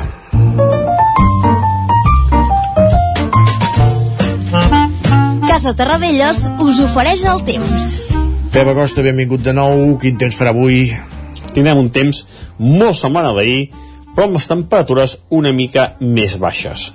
Aquesta nit ja han baixat una mica, eh, no trobem gaire cap valor de més de 20 graus en les comarques, eh, les mínimes, moltes de 17, 18, 19 graus, més cap a l'interior, una mica més fresques, entre 14 i 15, per sota aquests 15 graus, només a les àrees eh, més fresques del Pirineu. La majoria mínimes avui entre els 15 i els 20 graus.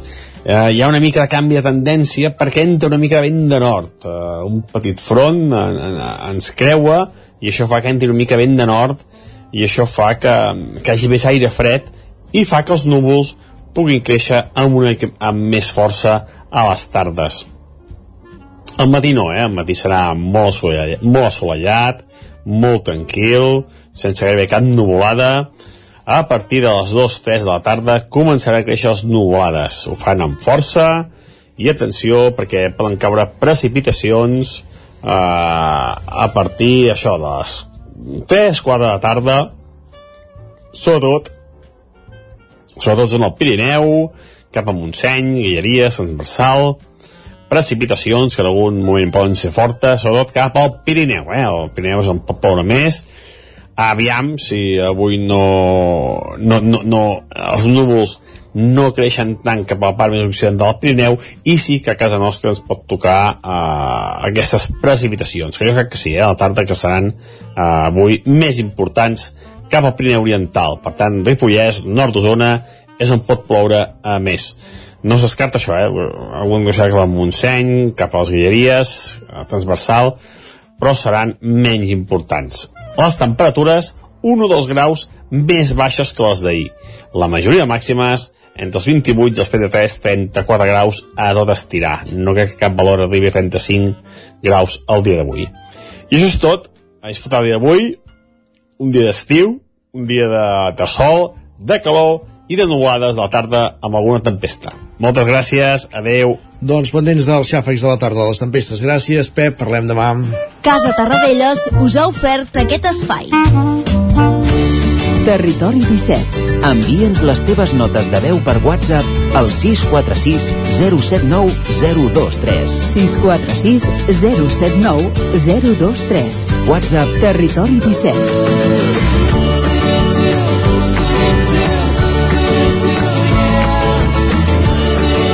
Territori 17. Som a Facebook, Twitter i Instagram amb l'usuari Territori 17.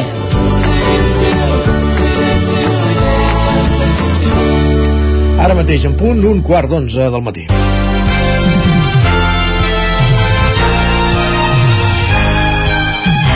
I el territori 17 d'aquesta hora el que fem els dimarts és parlar d'economia en companyia d'en Joan Carles Arredon del cap d'Economia del 9-9 del Vallès Oriental que avui ens vol parlar de falcons i coloms, com si estiguéssim a l'espai de natura que fem els dimarts una mica més d'hora. Joan Carles, benvingut, bon dia. Exacte, no estem en un parc temàtic d'ornitologia, eh? No, eh? Diguem-ne.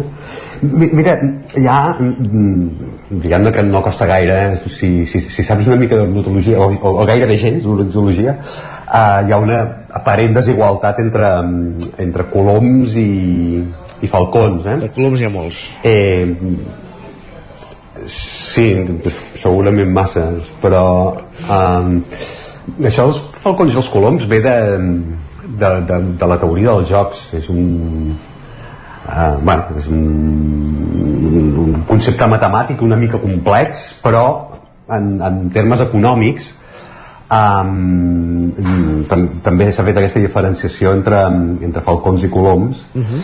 Um, I això és la distinció entre partidari, partidaris de polítiques laxes amb tipus d'interès baixos i incentius a les activitats de, dels bancs centrals. Eh? Això serien els trets que caracteritzarien els coloms. I, en canvi, els partidaris de controls estrictes en la despesa, contenció de preus, i això, malgrat que pugui haver-hi riscos de refredar l'economia. I aquests són els falcons. Què ha passat durant tots els últims anys? doncs des del whatever it takes del, del, del que era llavors president del, del Banc Central Europeu Mario Draghi, whatever it takes vol dir fer el que calgui um, fins um, um, des de llavors es va donar el tret de sortida el que podríem dir el domini dels coloms eh? um, i això ho hem vist eh?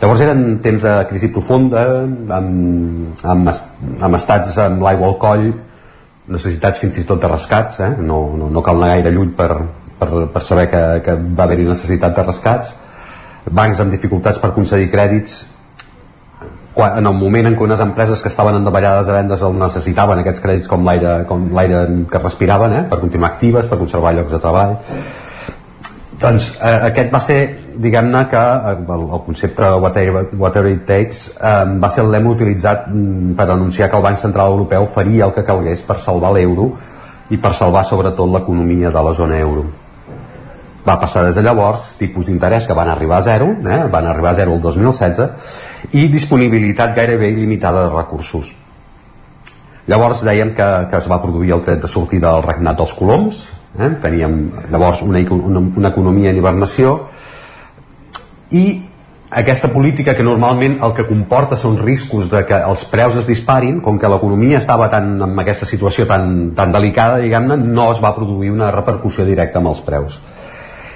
Hem estat, doncs, eh, 6-7 anys amb aquesta política de, de preus de, de, de tipus d'interès zero, que és un període inusualment llarg eh, que va tocar la, a la fi el juliol passat, eh? Juliol, passat només un any. Des de llavors i diguem-ne que llavors el que s'havia produït aquell mes de juliol és que sí que eh, s'havia produït diguem-ne un creixement tan fort dels preus que, que era gaire insostenible eh? feia quatre dècades que no, que no pujaven els preus a, do, a doble dígit no, no, no res que no se sàpiga diguem-ne que no sàpiga qui, qui va al supermercat eh, els caps de setmana o quan, quan pot, diguem-ne, eh, no, no hi ha res que no se sàpiga, no? Eh, amb aquests preus amb, creixent més del 10%, els falcons van dir prou i, per tant, havia arribat la seva hora. Eh, des d'aquella pujada de tipus d'interès eh, fa, fa gairebé un any eh, i s'ha passat de, de 0, del 0% al 4% aquest ritme de creixement no s'havia no tingut en, en els 25 anys d'existència del Banc Central Europeu i tot apunta que això tindrà continuïtat en la reunió d'aquest mes de juliol i tot i que hi ha més dubtes també a les d'agost i setembre de fet, quan s'hi han posat, diguem-ne, els balcons han avançat molt ràpidament. Segurament els balcons volen més ràpid que els coloms, no? Segurament. Um, era, Eh, era natural que el fort creixement de la inflació suscités la preocupació en el Banc Central Europeu. De fet, l'únic encàrrec directe que té aquesta institució és vetllar perquè els preus no creixin més enllà del 2%. Eh, que per, per cert és un encàrrec que té molt de política de Falcó, eh? No té cap més encàrrec el Banc Central Europeu. Llavors, en el moment en què els preus es descontrolen és normal que, que, que els hi entre una preocupació no? en els primers passos d'aquesta escalada, escalada hi havia dubtes raonables sobre si el diagnòstic era l'encertat els preus havien tingut una pujada lliure però mm, es venia d'una època de sortida de la pandèmia amb dificultats d'oferta, restriccions productives a la Xina eh, problemes de subministrament d'algunes primeres matèries saturacions logístiques i sobretot preus molt alts de, dels costos energètics. Eh, de tot això, diguem-ne que es podia atribuir tot aquest problema, tota aquesta problemàtica a la banda de l'oferta cosa que es va greujar amb l'esclat de la guerra Ucraïna eh? o sigui, encara, eh, això encara es va greujar més a pujar els tipus d'interès era un intent de refredar els preus per la banda de la demanda eh? a la qual tot això que hem dit no tenia res a veure diguem-ne amb, amb, amb, amb, amb, amb els motius per als quals eh, pujaven els preus no? No, no, no tenia res a veure amb la demanda tenia a veure amb l'oferta no?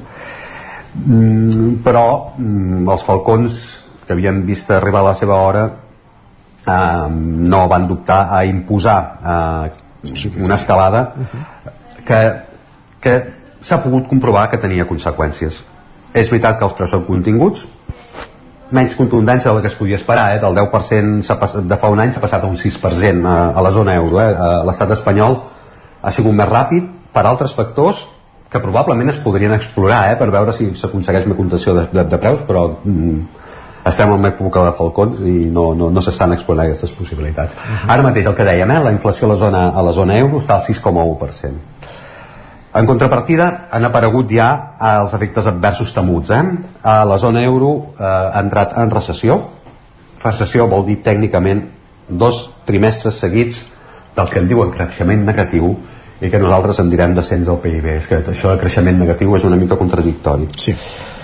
Um, és, és cert que bona part d'aquest retrocés prové d'Irlanda. Eh? A Irlanda, eh, la, diguem-ne que la bufetada està, fent, està sent forta, eh? està, estan perdent un 4,6% de, de PIB.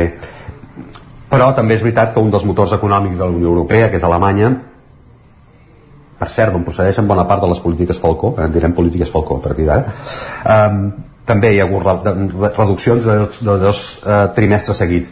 Mm, són reduccions molt mínimes, eh, 0,1%, però clar, de creixement vol dir que no s'està creixent. Està I això, diguem-ne, mm, pot comportar pot comportar certs problemes. Resisteixen alguns estats, com l'espanyol, però la diferència en aquest cas és que l'estat espanyol tenia mm, certament bastant recorregut per créixer perquè com sabem va ser una de les economies que més va caure amb la pandèmia i de fet els nivells de PIB no s'han recuperat fins ara, eh? tres anys després eh, que l'economia entrés en recessió havia estat tradicionalment un detonant perquè els analistes del Banc Central Europeu posessin fre als creixements dels tipus d'interès eh, el que diu l'ortodoxia és que eh, a pujar els tipus frena el consum, la inversió i la despesa i que tot plegat es produeix en una moderació de preus.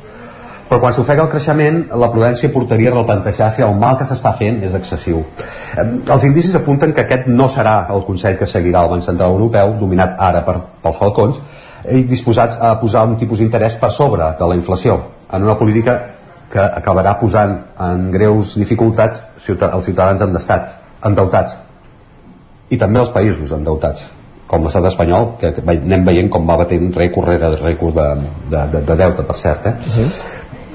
I tot això, si li afecta, eh, veurà com aquest eh, ritme de creixement actual es pot capgirar i si aquests, aquests tipus continuen a l'alça, haurà de destinar molts recursos a pagar deute i, per tant, a distreure'ls de polítiques de creixement. No? Amb tipus d'interès més cars, hi ha coses evidents, eh? costa més pagar les hipoteques, costa més finançar els electrodomèstics o cotxes que es puguin comprar, per tant el consum es contrau, costa més que les empreses facin inversions i com que no inverteixen generen menys nova ocupació i per als estats és més costós finançar-se per donar cobertura a les persones que com a conseqüència de tot el que hem exposat eh, cauen en risc d'exclusió. Aquests són els motius pels quals eh, alguns experts aconsellen eh, pitjar el, el pedal de fre. Mm però no són gaire optimistes. De fet, eh, una cita textual, el Banc Central Europeu està decidit a equivocar-se per la banda d'uns tipus més alts.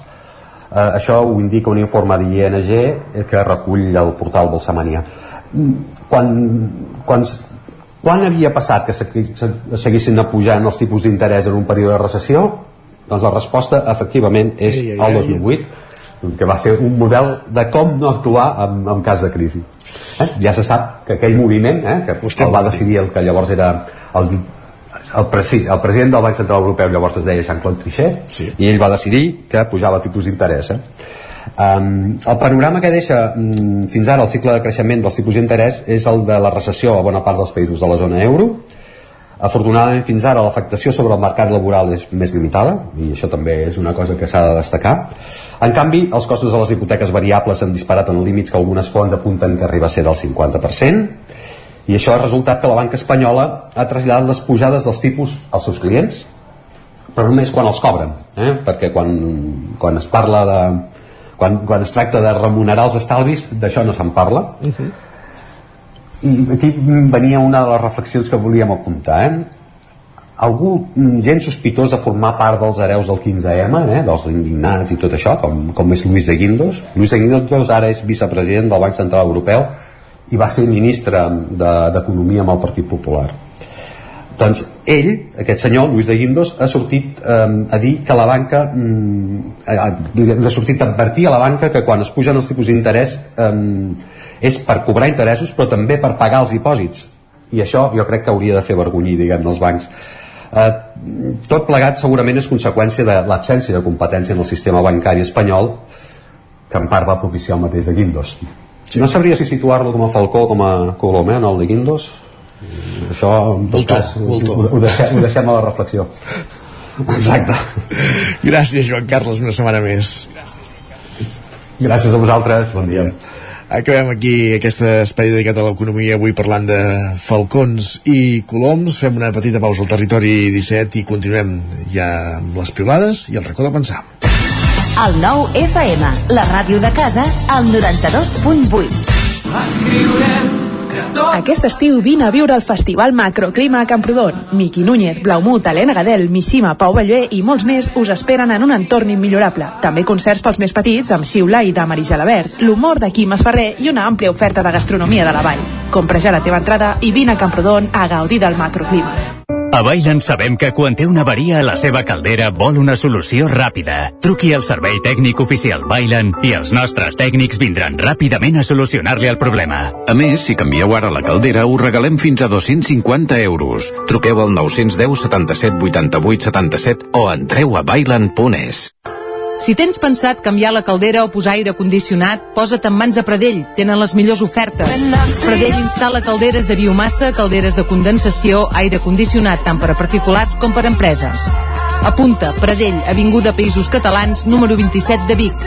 Telèfon 93 885 11 97. Repetim, 93 885 11 97. Davant l'escassetat hídrica, Fem un consum responsable de l'aigua, perquè cada gota que estalviem serà una gota més per al planeta. No et quedis sec. Tanca l'aixeta. Akbar amb tu.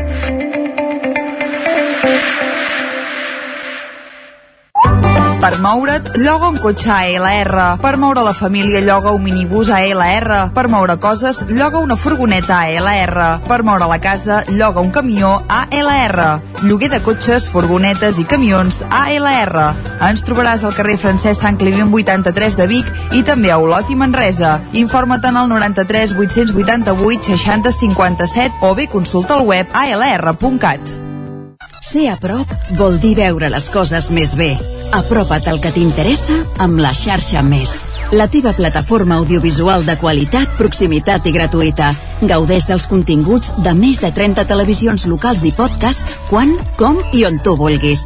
Entra a la xarxa més.cat i descarrega't l'app. Cocodril Club. Si t'agrada la bona música dels anys 60, 70 i 80, escolta el 9 FM els matins de dissabtes i diumenges d'11 a 1. És el temps del Cocodril Club, tot un clàssic de la ràdio, amb les bases del pop-rock, les llegendes, les cançons que s'han convertit en autèntics himnes. Recorda, dissabtes i diumenges al matí, d'11 a 1, al 9 FM 92.8. Cocodril Club, el programa revival de l'Albert Malla. Hasta luego, cocodrilo. Anuncia't al 9FM. La màquina de casa. 9 3 8 8 9 4 9 4 9 Publicitat arroba al 9FM.cat. Anuncia't al 9FM. La publicitat més eficaç. En punt dos quarts d'onze al territori 17.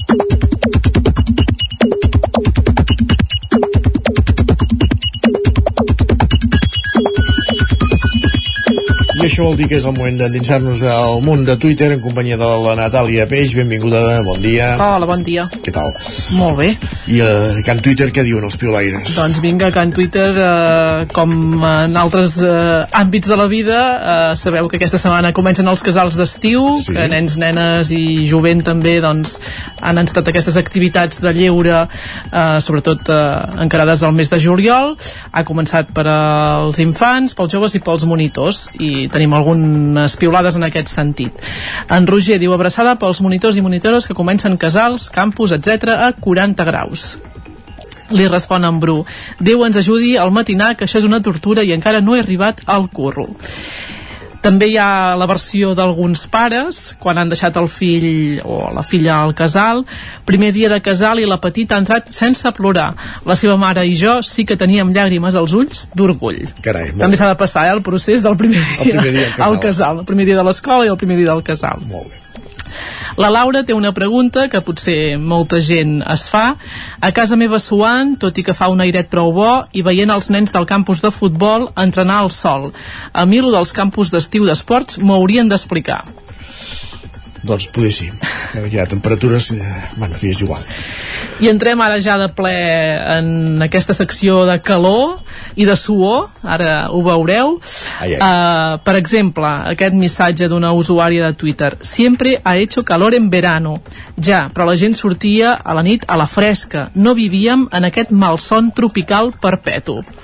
Estem una mica així en una primera onadeta de calor. Mira que només hem passat 3 dies, eh? Sí, exacte. Abans, eh, eh, recordo l'estiu passat que al mes de maig havíem portàvem dues ja onades de calor. Exacte, sí, sí, Tot i així també es diu que aquesta setmana anirà afluixant la cosa, que tindrem tempestes de tarda, el cap de setmana es preveu una mica més, Això- més fresquet. De fet, ens ho han dit tant en Pepa Costa com en Manel Dot, per tant...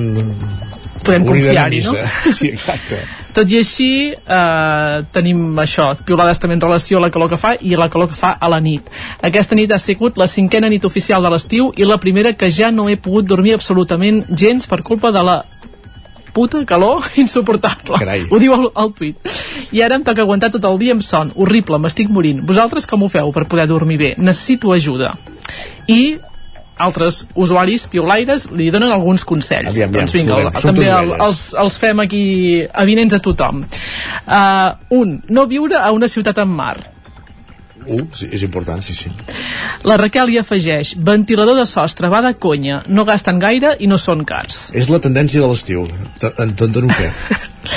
La Mireia ens comenta una dutxa abans de dormir, finestres obertes i si no passa gens de corrent, ventilador sense encarar-te al gaire. Carai. Si no busqueu solucions, us pot passar com a l'Andreu, suar quiet és el meu esport de l'estiu. Suar quiet. Suar quiet, exacte. Uh... De fet, això, els nòrdics ho tenen molt clar, se'n diu sauna, però... en Miquel hi diu, el que pitjor porto de la calor és suar, com ho diu? I aquests dies, eh, potser ja ho heu vist, s'ha fet viral un anunci d'una coneguda marca de begudes isotòniques sí? que té d'eslògan Suar és bonic. Ah, L'Albert... que era de gimnasos, imagina't si me, si me l'he mirat. He vist l'eslògan, però poca cosa més. L'Albert hi fa la seva aportació, que està prou bé, Sí. Qui ha fet l'anunci mai ha estat esperant al metro a qualsevol andana de la L4 un 30 de juny mentre es va petant la parada de gent, avisen que el metro trigarà 10 minuts més i tu no pares de suar perquè anaves en traje a un casament. L'L4 en concret, eh? Vaja. Sí. D'acord. I acabarem amb una reflexió d'en Max que lliga la qüestió de la suor, de la calor, de l'estiu i també de la rebella en un sol missatge. De fet, el va escriure eh, abans de la nit del 23 de juny. Bona rebella de Sant Joan a tothom, menys a la senyora que tenia darrere el bon preu, que no s'ha dignat a dir-me res quan em veia suar durant 5 minuts intentant pagar a la caixa ràpida amb la T-mobilitat. Vaja. L'altre dia una mica més de solidaritat amb, Ah, qui, però està. amb qui té lapsus. Sí. Gràcies, Ho Natàlia. deixem aquí. Va, fins Adéu. la propera. Adéu. I nosaltres que avancem al territori 17 ja ens espera la Maria López amb el racó de pensar i avui, com dèiem, dedicat a aquesta efemèride que es commemora demà, el dia de l'orgull LGTBIQ+.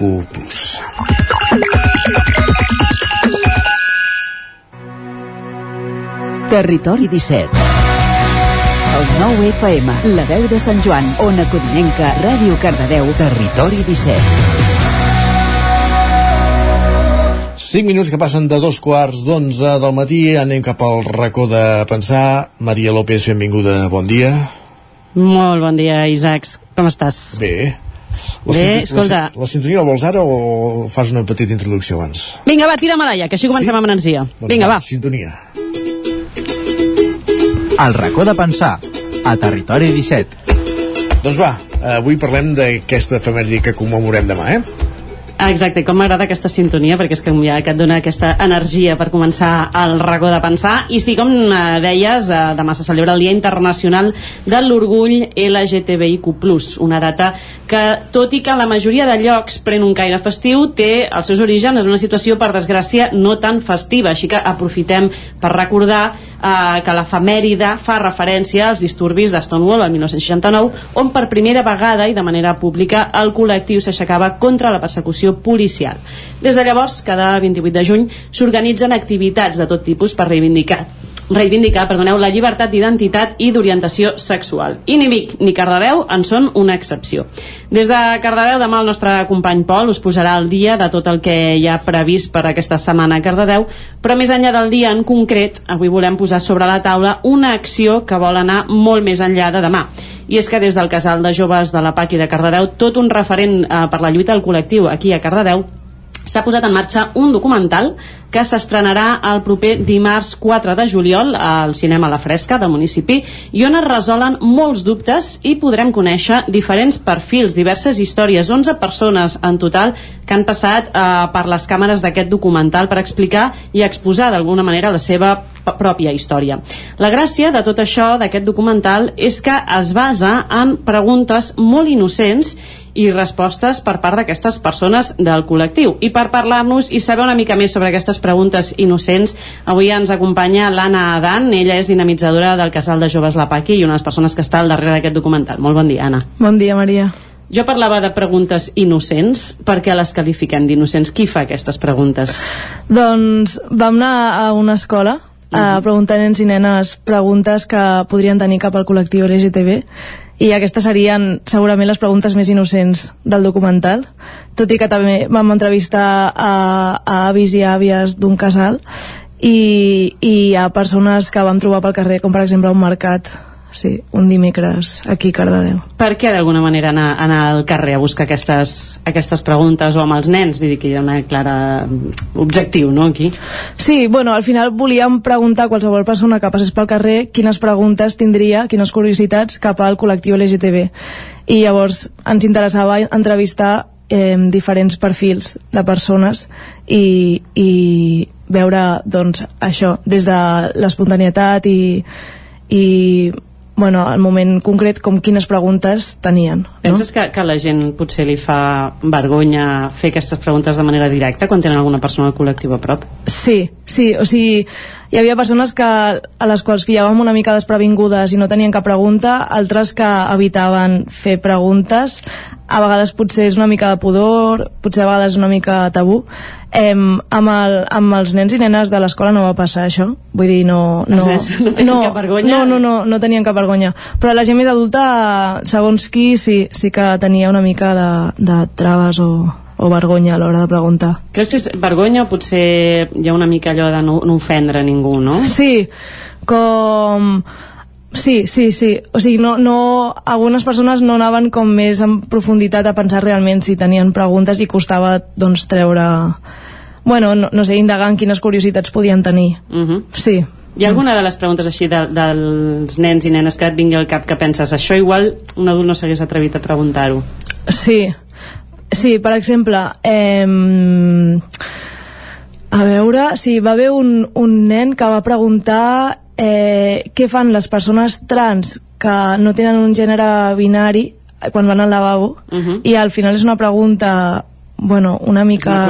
una. Sí, que, que pot ser una mica íntima així d'entrada que, que els nens... Bueno, la, el nen la va preguntar de forma com sense cap tipus de prejudici i Mhm. potser una persona adulta no ho faria tot i que sabem que les persones trans doncs tenen o sigui, els hi fan moltes preguntes que no venen a compte molts Mhm. cops, però sí, sí Teniu, teniu tot aquest sac de, de preguntes innocents Uh -huh. i, i on aneu a buscar les respostes? Qui, qui tenim que les respongui?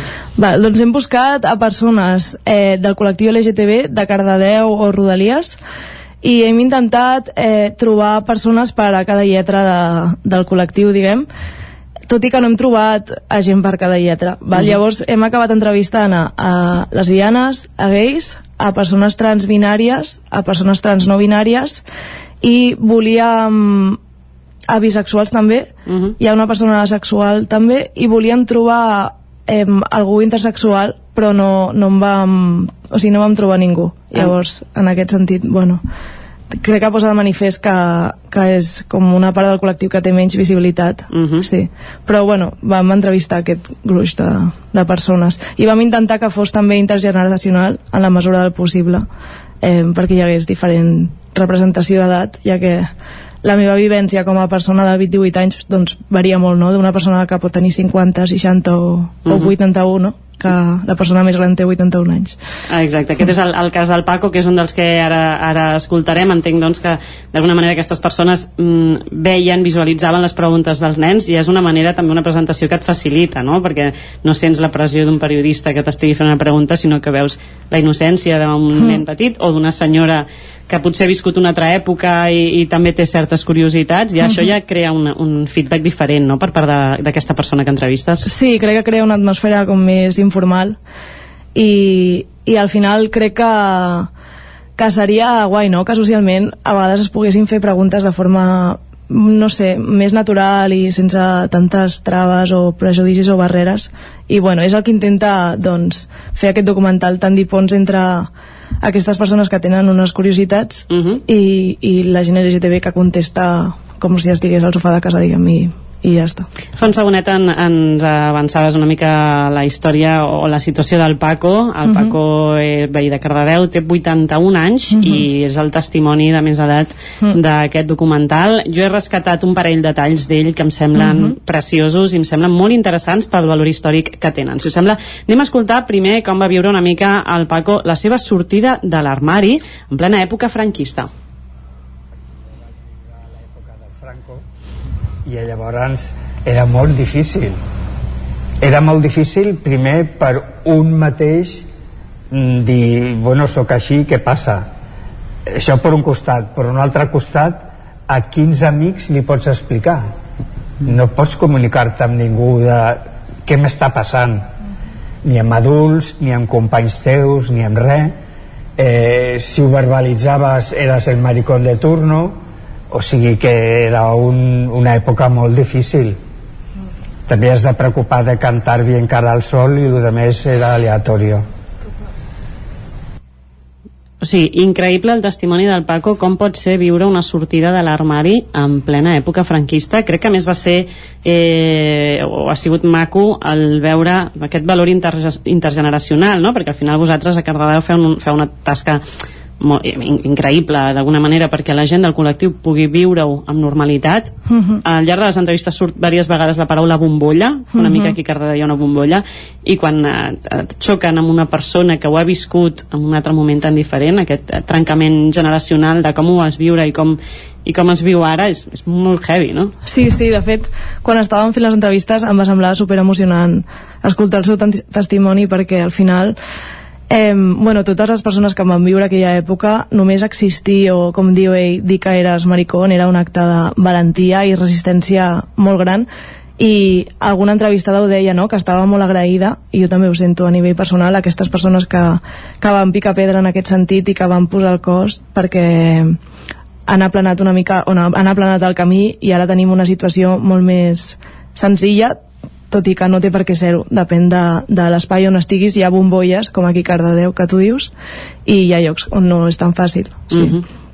I sí, crec que a nivell com... Bueno, crec que el documental és, aquest contrast enriqueix molt no? les històries perquè posa de manifest doncs, els canvis que han tingut lloc sí. I també hi ha persones que tenen potser 45 anys o 40 i, ha canviat també molt el testimoni no? d'una persona de la teva edat Maria Mhm. com, com d'una persona de la sí, sí, meva edat amb 20 anys de diferència, diferència no? la, la història Sí. és, és super diferent Sí, sí. i vam veure diverses, diverses duos així no? de, Mm. amb diferència d'edat potser aquest és el més extrem perquè de Sí. fet estava el Paco que té 81 en Gerard Coll que ara l'escoltarem també que Mhm. té al voltant dels 40 i Mhm. alguna i en Jan que és un jove de 20 anys clar, estava com impactat el, el Jan quasi cohibit no? al costat d'una persona com el Paco que, que ha viscut tant sí, sí, sí, era, va ser bastant impressionant sí, Uh, escoltarem un altre fragment del Paco. En aquest cas, eh, i va sortir diverses vegades el concepte de l'adolescència perduda. Uh, Mm. Anem a rescatar com es va enamorar el Paco. El cas és que és molt sui generis. Uh, jo ho portava tan malament i el, tenia el cervell tan, tan regirat i tornem una altra vegada al que dèiem abans, que no et comuniques amb ningú, que no tens informació externa, que no saps el que està passant. Mm. I jo eh, vaig viure l'època aquella de, mm, del Franco y de, de la Iglesia, que nos machacaron vivos los dos, i llavors el meu cervell estava com embussat. I per mi, eh, estar amb un tio era pecat, pecado mortal, però bueno, mm, ho necessitaves i ho feies, però jo ho estava fent molt malament. I llavors, per mi, el meu concepte era que amb un tio amb molt d'esforç i molt de sacrifici i, i flagelándote mucho eh, podies follar, però enamorar-te no, perquè aquello ja era l'aberració total sublime. I als 33 anys em vaig enamorar de veritat. Que la meva mare, amb aquestes converses que us explicava, sempre em deia és que tu als 33 estàs vivint el que haguessis tingut de viure als 18 Mira, jo sento el Paco dir als 33 anys em vaig enamorar de veritat i se'm posa la pell de gallina. Mhm. O sigui, el, el sentiment d'enamorament, no, no viure'l fins als 33 anys perquè sents que tot el previ que hi ha és una aberració, Mm. és, és molt dur. És molt fort, sí, sí. Sí, sí, sí. Mm. Bueno, i, i no va ser únicament ell qui ho va dir, persones més joves també van, van explicar no? que, que al final potser quan ets una persona queer a l'adolescència no tens els recursos o la salut mental com per poder viure doncs, l'enamorament o el desig sexual d'una forma no sé, que, que podria donar-se l'adolescència d'una altra manera.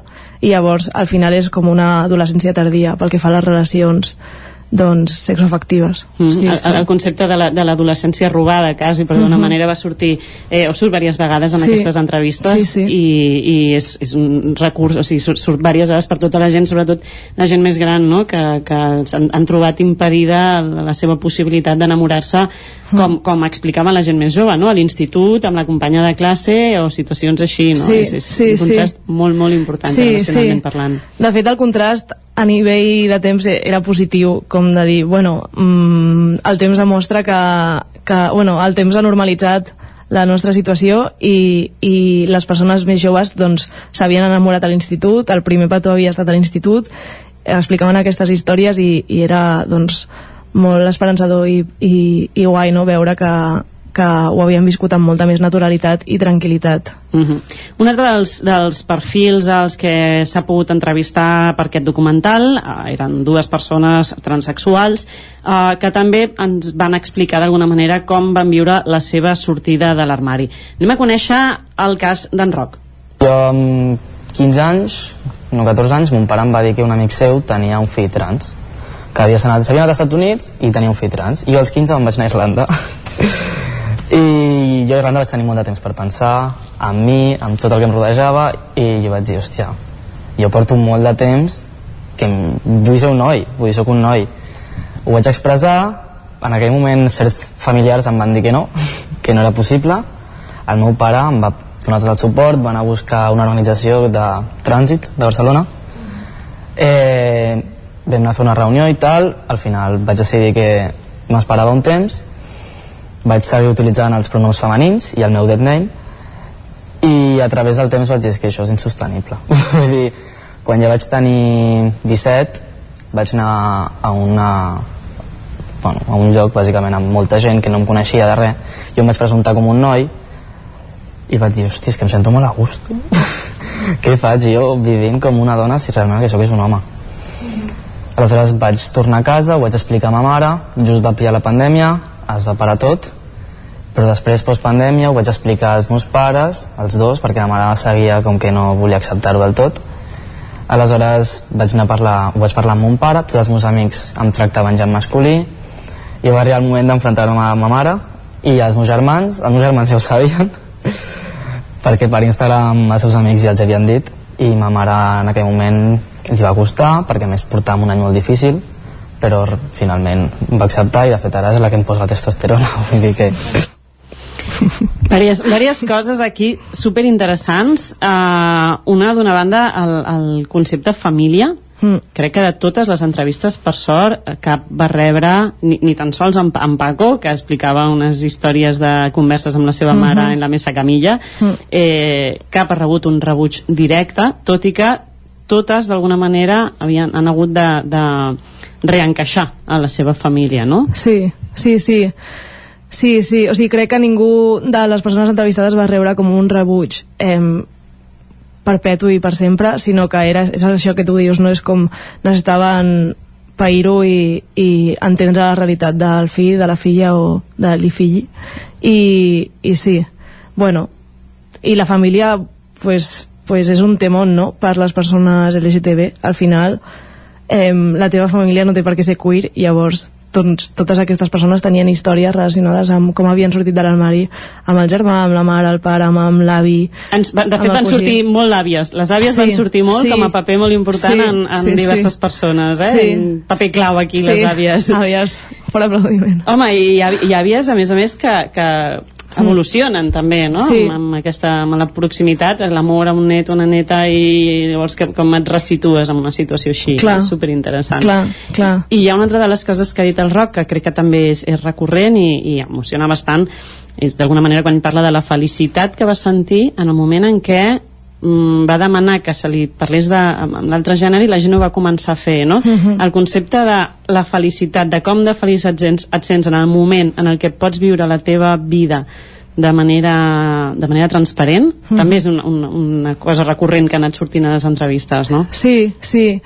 Sí, va sortir el tema de, de ser tu, no?, i de poder expressar-te, eh, identificar-te i nombrar-te com, com et sents més a gust i, i doncs sí, aquesta alegria o aquesta comoditat personal o relacional que, que les persones senten quan al final ho, surten de l'armari o, o són anomenades o identificades com, com se senten. Uh -huh. uh, passem d'aquesta felicitat en el moment en el què una d'alguna manera pot viure la seva vida de manera plena i de manera transparent per rescatar algun capítol que per desgràcia no ha sigut tan bonic i que també han viscut alguns dels nostres eh, testimonis.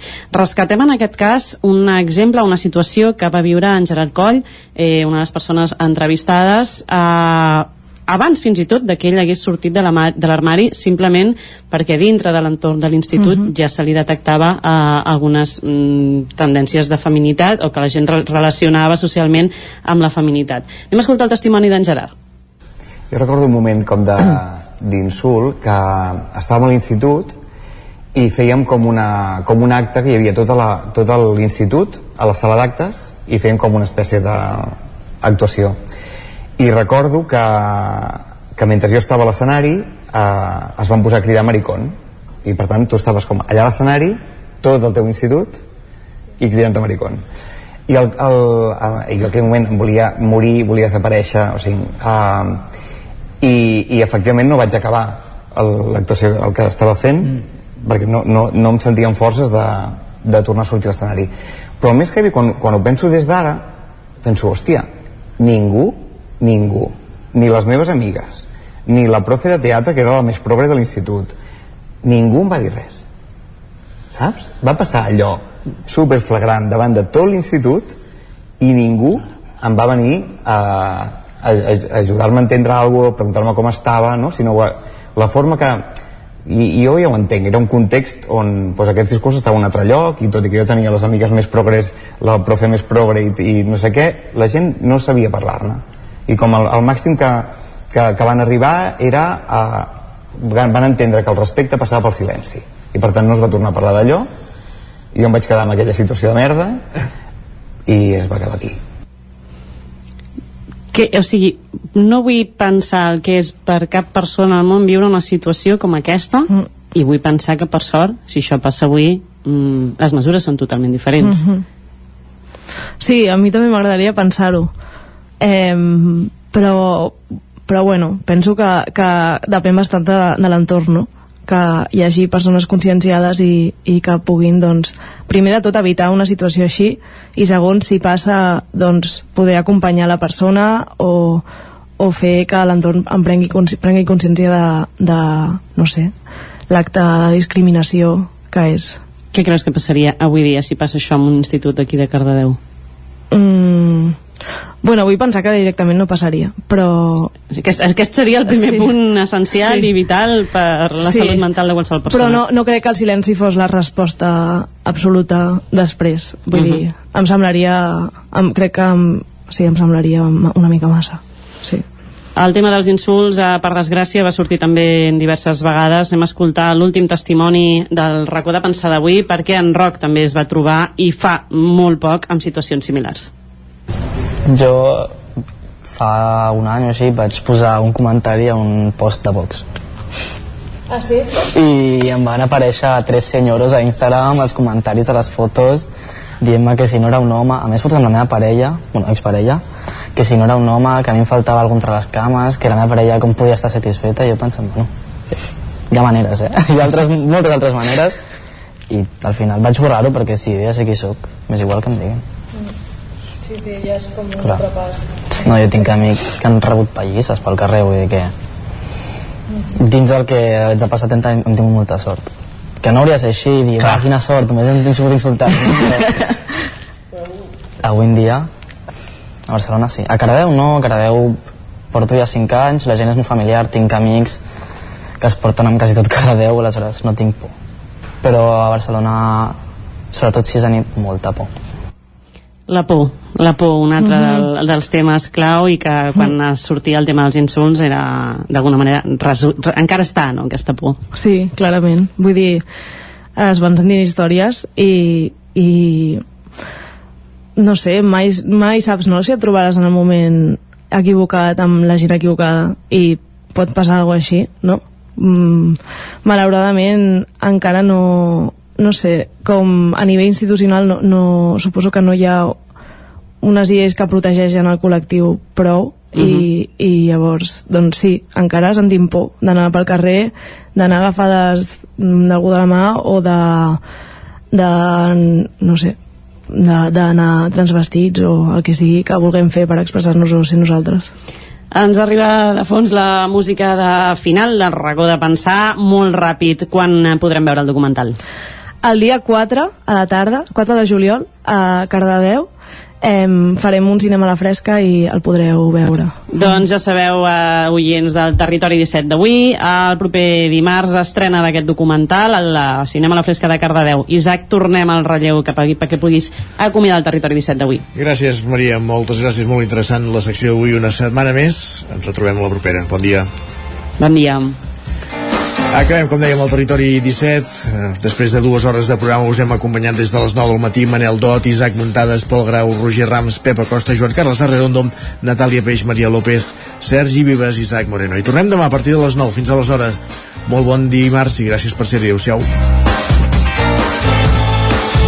Territori 17, un magazín del nou FM. La veu de Sant Joan, Ona Codinenca i Ràdio Cardedeu amb el suport de la xarxa.